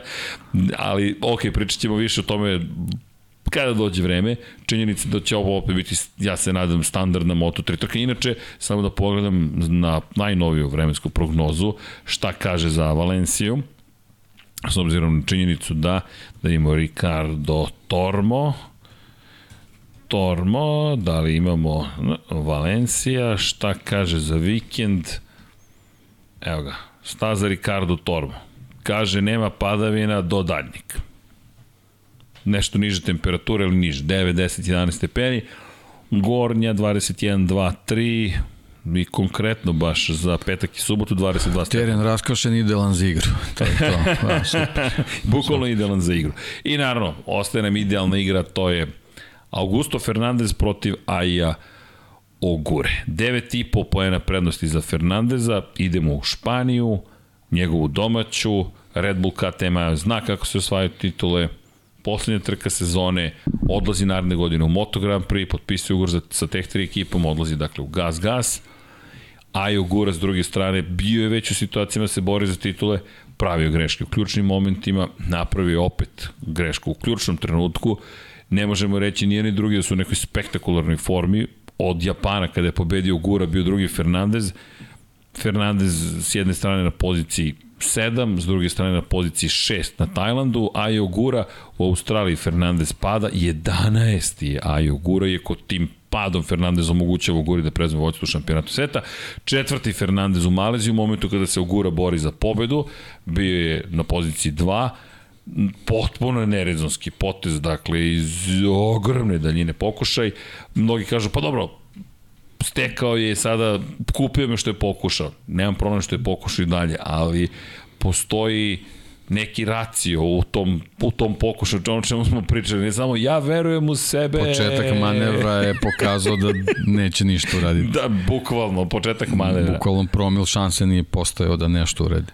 Imao je dve opcije, da izbaci zapravo sa staze Toni Arbolina potencijalno i sebe. Da bi sebe ispravio. Tako pa, je, da. da bi sebe ispravio ili da uđe i da se u krivinu i padne. Što je učinio? Poštenije, okej, okay, ako je to cilj bio, da. ali... Pa ne, ali, šta, da. mislim što se tiče njih dvojice, za, za Augusta Fernandeza pre svega važi da, da, da vozi trku na način kako vozi trke, a sa druge strane samo ne sme da upadne u tu zamku te kalkulacije, što smo, što smo pričali. Znači, bukvalno mora da vozi trku na način kako on zna da vozi racionalno, sa dobrim tempom i da vidi kako se trka razvija. E, veći je problem sa Ajogurom. Jer sad, sad mu ta bodovna, bodovni minus ne, do, ne dozvoljava uh, ovaj, neke pretrane kalkulacije, a opet sa druge strane on i na prošle trci je pokazao da nije vozač koji ume da, da, da se nosi sa, sa tim nekim rizicima koji su određenim, u određenim trenucima potrebni. On sad, zbog tih, kako beše, devet tipa vodova, čini mi se razlike, ovaj, nije baš u prilici da, da, da je vozač koji će da kontroliše situaciju, a ovaj, da ulazi u neke rizike, kažem to opet za druge strane nije tipični Ajo Gura i onda eto imamo tu, tu sad neku klackalicu gde ipak moraju da, da, da gledaju jedan u drugog da bi, da bi došli do, došli do, do kako bih rekao do, do, do do, do pravog tempa koji će, koji će ih dovesti do toga da imaju tu dovoljnu bodovnu prednost. I to je, to je malo nezgodno zato što pre svega iz ugla i ogure, zato što da bi se to ostvarilo mora, mora da se vozi na netipičan način. A opet sa druge strane Fernandez je ipak u prednosti ajde možda, možda i zbog, i zbog staze, ali više zbog toga što, što taj način kontrolisanja situacije odgovara njegovom stilu vožnje. Da, i Ogura, ok, pohvalno za Oguru počeo da pobeđuje kad se to od njega ne očekuje. Počeo i da u važnim momentima bude veoma brz, da blizu triumfa, ono na što me podsjeća jeste do nekle, ne samo do nekle potest Francesca Banjaje. Ne mislim da će sada odjednom Aju Gura postati čovjek koji pada. Da će postati vozač koji je nesiguran na stazi. Jer ako pogledamo ovu sezonu, Agura ima dve nezavršene trke. Jedna je Portugalija, gde je kiša manje više da. sve izbacila sa staze. Druga je upravo Malezija. Dakle, njegov prvi, jedini pad u trci, i to ono što ste rekao, potpuno nerezonski za po, potpuno van karaktera u ovom trenutku, jeste da, da, da padneš. Kada pogledaš 2020. kada se borio za titulu šampiona sveta, Ogura nijednom nije pao. Ugura nijednom nije imao nezavršenu trku, nije imao pobedu, ali nije imao nezavršenu trku u prethodnoj godini, ok, godina učenja, kao i u prvoj punoj sezoni kada je nastupao u Moto Trojkom 2019. imao je nekoliko padova. Ovo je, međutim, van karaktera zaista, ali, ali, zato verujem da će biti opasan, međutim, ono što se sad tu postavlja kao, kao, hajde, veliko pitanje ovo što si rekao, Ako pratiš ti ovog drugog, šta ti se mota po glavi? Da li praviš greške u tom trenutku? A Ogura mislim da ima, neću reći lakšu situaciju, nego jednostavni cilj. Moraš pobediš. Mislim, dosta, mislim da je dosta da, jednostavna da, da. situacija. Da. Znaš, moraš da pobediš. Znači, ideš na pobedu, da juriš pol poziciju. Subota mislim da će biti mnogo važna. Jer, mnogo važna, da. Jer Ogura, kada ima pol poziciju, mnogo je bolji. U Japanu je pokazao da ne mora, ali opet, to je Japan. Ne znam da li je pa to... Pa da, ovo sad sam to hteo kažem, ipak je Valencija malo složenija priča, nije, nije baš to tako jednostavno i jako je teško da, da, da ti nametneš svoj tempo u ovoj moto dvojkama, tako da ovaj, koliko god je situacija jednostavnija za njega, zbog te bodovne kalkulacije, opet s druge strane mnogo složenija, zato što od njega zahteva da bude atipičan Ajogur. To je taj problem. Da, znači, a... Augusto Fernandez ima priliku da bude Augusto Fernandez i da, i da završi priču. To je ta olakšavajuća okolnost, ali to apsolutno ne mora ništa znači. Da, ali to je opet, dodatni faktor jeste što je to to. E, prvo što nam je Jake Dixon pokazao na prošloj trci da ovaj, ima tu momaka koji prave svoje kalkulacije i ne verujem da će, da će biti samo posmatrači vezani za ovu trku.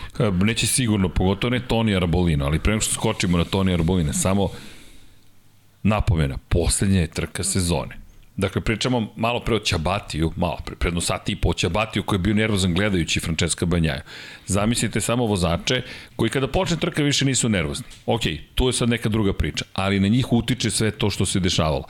Poslednja trka sezone za Augusta Fernandeza, poslednja prilika u karijeri da postane šampion Moto2 klase. Šta god da se desi u nastavku karijere, neće se vratiti u Moto2. U najgorem slučaju ti će u Supersport, Superbike. Dakle, nema povratka u Moto2. To je ta šansa S druge strane, poslednje, kažem, trka sezone, nema, nemaš više mogućnosti da kažeš sledeće nedelje ću nešto da uradim. Nema, to je to, to je to, kraj, kraj, kraj.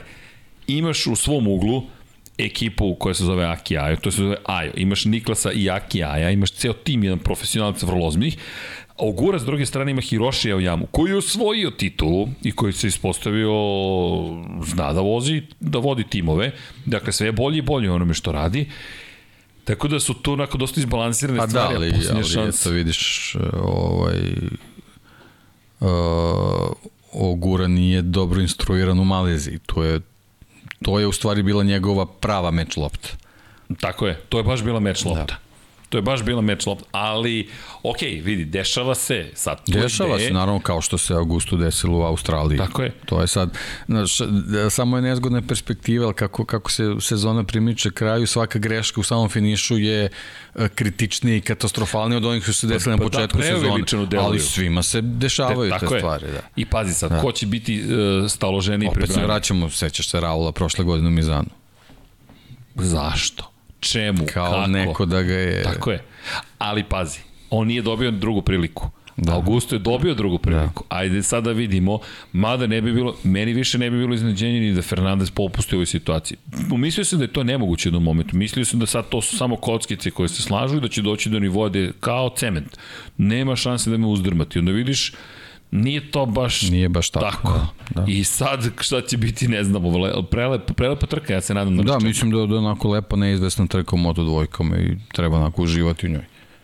To nam je baš Naravno, prava svako ima, nek se opredeli za koga navija, ali, ali generalno treba uživati u trci. Tako I videti je. kako u stvari ekipe i vozači pokušavaju da razreše tu situaciju. Imam intervju s Niklasom Ajom u četvrtak. Imam ideje šta ću da ga pitam, pogotovo iz perspektive saradnje sa Đami Masijom. Pozdravi ga. Pozdravit ću ga, ali ako imaš deki neko pitanje utri, ja znam šta hoću da ga pitam. Hoću da ga pitam i kako biraju vozače, kako rade s vozačima, koje su im procedure, sve što, što će mi eventualno ispričati, ukoliko mi ispriča, jer, znaš, gledam ih e, na porodičnom nivou, koliko su oni posvećeni. On je čovek koji je sin šefa ekipe, glavni inženjer jednog vozača, ali ti njega gledaš, nema problem da uzme alat, da, da odbrusi nešto, da sredi na motociklu.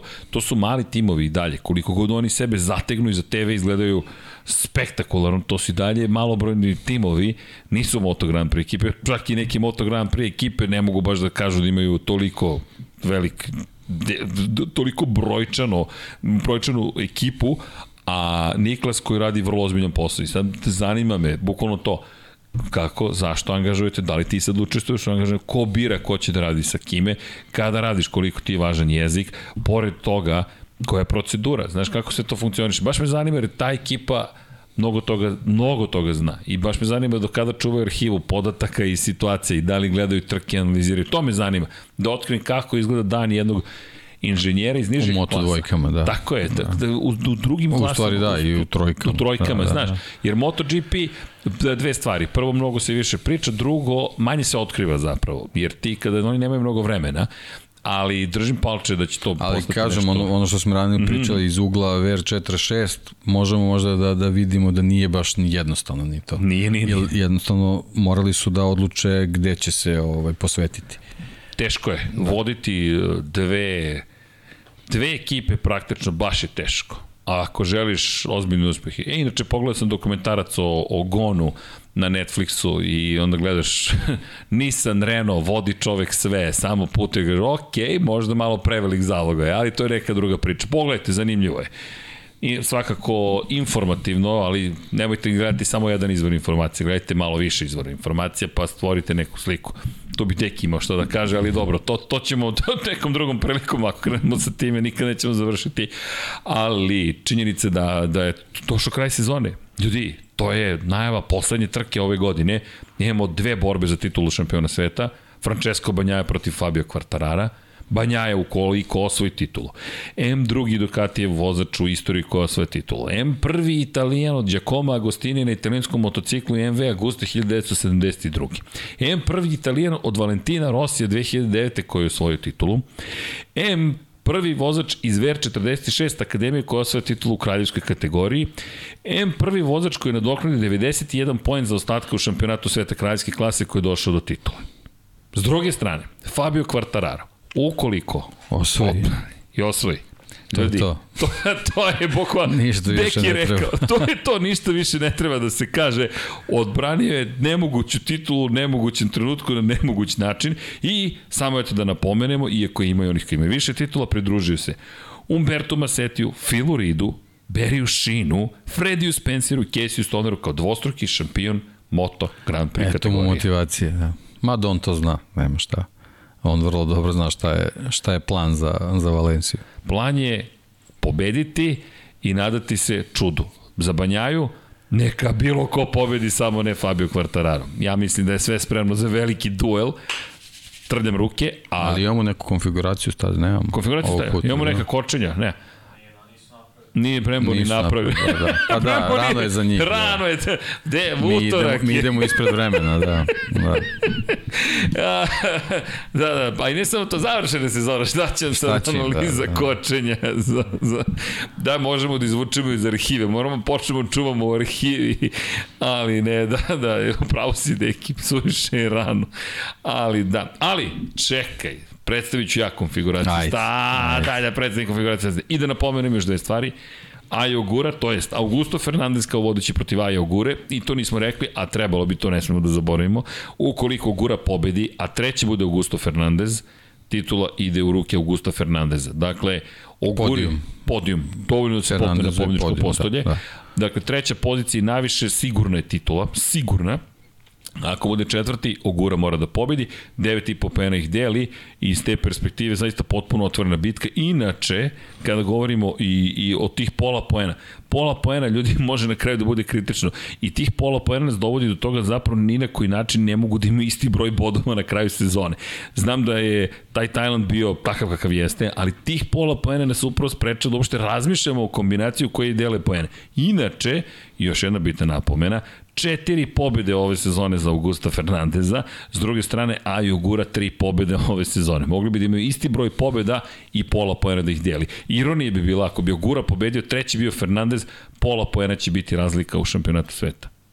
Ali, ali to je motociklizam. Odlično, da. Naravno, i Zangivara koji će se boriti za pobedu. A ja sad samo da upalim TV, dozvolite mi sekund, molim vas.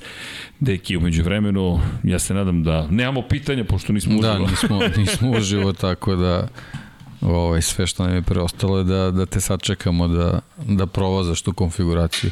On je bio upaljen pa se samo, da li se stavio na slip ili ne znam šta, ali tako? Da, da, da, ugasio se, A, ali dobro. sad ćemo mi to da sredimo. Nadam se da Nešto svetli, da. svetli. Oh, oh, oh, oh, Evo ga. opa. U igrici smo samo deki, ja ne vidimo igricu. Vi verovatno vidite ako je Vanja pre... Nije još Vanja pre... Čekaj, A hoćemo imati, aha, evo i ovde, e, Evo dobro, dobro, To, super. Vanjice, hvala. E sad, gde smo? Ajmo. E, dobro, Andrea Doviciozo, sve, o, Vanja je sve pripremio, Vanja me razmazio. Dobro. Ajde, da li sam spreman, deki, da najzad. Ajde, makar ćemo konfiguraciju. A, vidi što su ostavili Gracije Vale.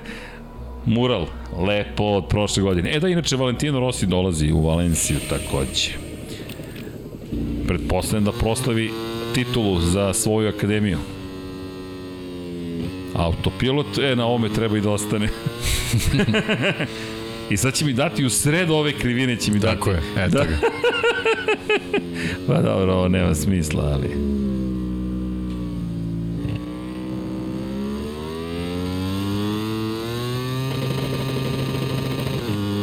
A, ovde menja, mora menja brzine. A ne, nešto se bilo...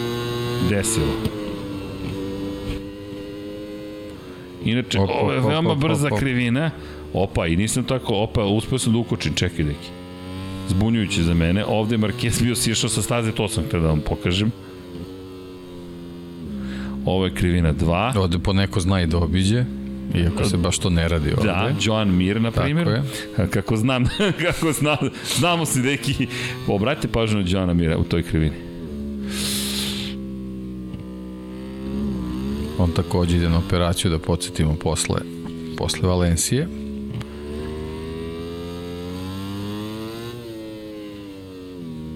Ovo malo pre bila jedna redka u desno. Da.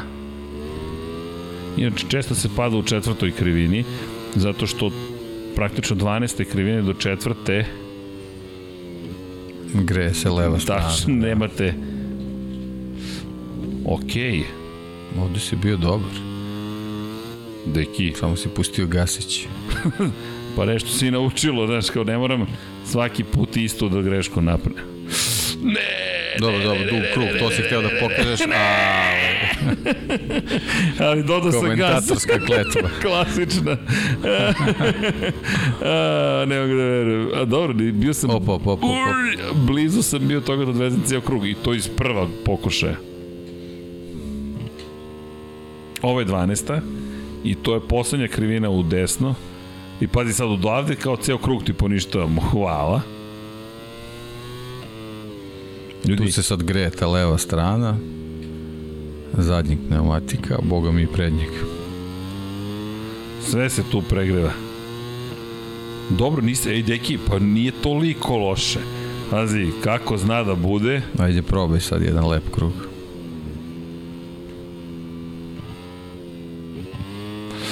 Volim da dodam gas, primetio si naravno ponovo. Mm -hmm. Uf, Dobro, dobro. dobro je. Sad su to obišli svi, to je Dobro je okej. što sam ostao na stazi, to, za nas je to dobro. ja, ja, ja. Ali ti si pridao i bio sam... Ne, a ne, vredi, ne vredi. Odmah me povuklo, zna, odmah dodaj gas. E, tako i vozači.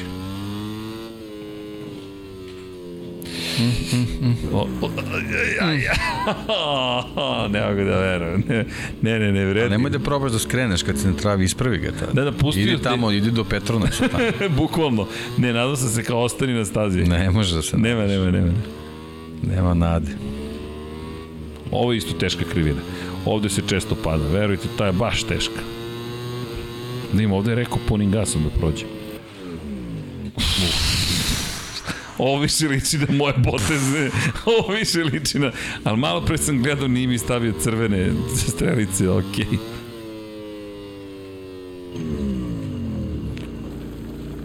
Ovo je neobjašnjivo potpuno. Ovo sad... Pa, dobro. Uzet ćemo telemetriju posle, Da, ćemo da. da analiziramo.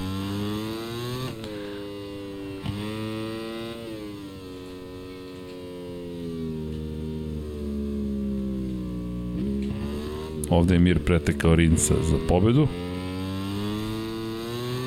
Dobro.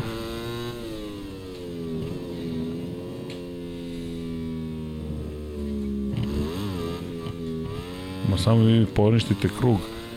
Ništa sporno, nego...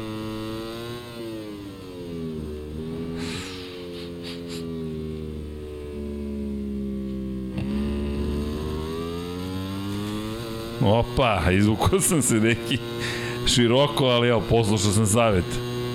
Ajde sada probamo, ajde. Zakasnio sam već sa kočenjem. Opa, još ispalo dobro.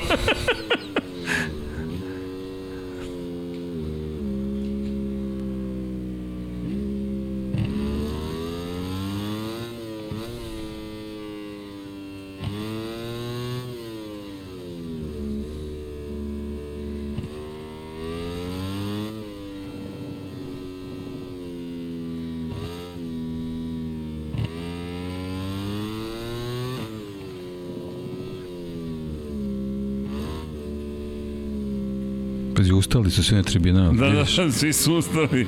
Da li je moguće? Ne veruju šta gledaju. Da. e, ček sad. A mi se učutali. Da- sada, sada treba pustim gas. Ničim izazvano. Ok, on drug, ali pazi, opet sam ovde pao, na isto mesto. Nešto ja tu pogrešno radim. Dobro.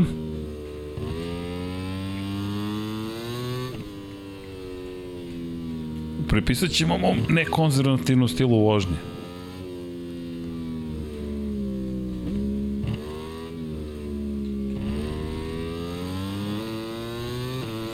Ali nije toliko grozno.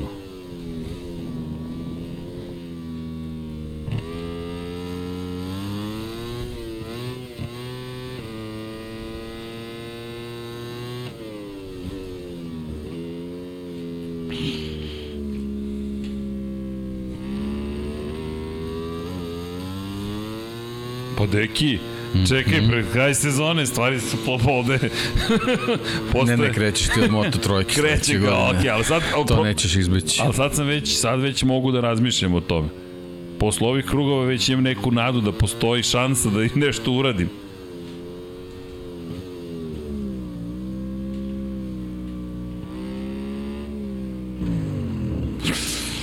Znam šta radim. Ko, kočim. Kočim. kočim nesvesno. Okej. Vanja, a nije bilo loše, reci. Vanja je samo dao afirmativni jedan uh, thumbs up. Uh, deki, čekaj, prođe još jedna godina. Da, Neverovatno, ali istinito. zanimljiva i, i brzo je prošla, onako, stvarno, što se tiče Moto Grand Prix. Jeste. Baš je nekako moram reći čudno, kao da je juče počela, ali znaš kad se ubrzalo, lepo si ti rekao, od aprila. Znam da je to praktično početak, ali nije, mi smo završili trku u Argentini i onda i ceo maj nekako kreće ubrzanje, jun, jul, avgust, baš je išlo nekako brzo i puno trka ove godine. Jedino što bih voleo, to nam želimo bojici sledeće godine, da idemo zajedno na stazu. Mislim da, ne znam kako ćemo to da izvedemo, pazi, nemam pojma, ali, ali bi to zaista bilo lepo. Ja mislim, jer nedostaješ, ne, nekako nije isto. Drugo, kako CSI Lab 76 da radimo, deki, bez tebe? Nema, Čuti, nek samo da nek ne padaju. nek se lepo voze i u te svoje 42 trke i lako ćemo mi. Da, inače moram da sredim da bih pročito Patreone. Inače, hvala svima za podršku. Dakle, i ponovo ćemo naravno se pripremiti. O, Vanja nas je već odjavio. Vanja vam je ušao u profesionalizam, nema šta. Počeo je da, da nam seče kadrove, izdvaja stvari, svašta nešto se dešava. Čekaj samo da nađem struju. Ljudi. Sad sam ja u kadru opet. Pališ PlayStation, stavljaš punjač na laptop. Deki iskusno. Nespremno, nespremno, dobro. Našao. Okay. Da, da, da, ne, nisam pomislio sam da će izdržati računar, ali očigledno smo ponovo potrajali. Pa koliko trajemo danje? Pa par minuta, pa dva sata, ja mislim.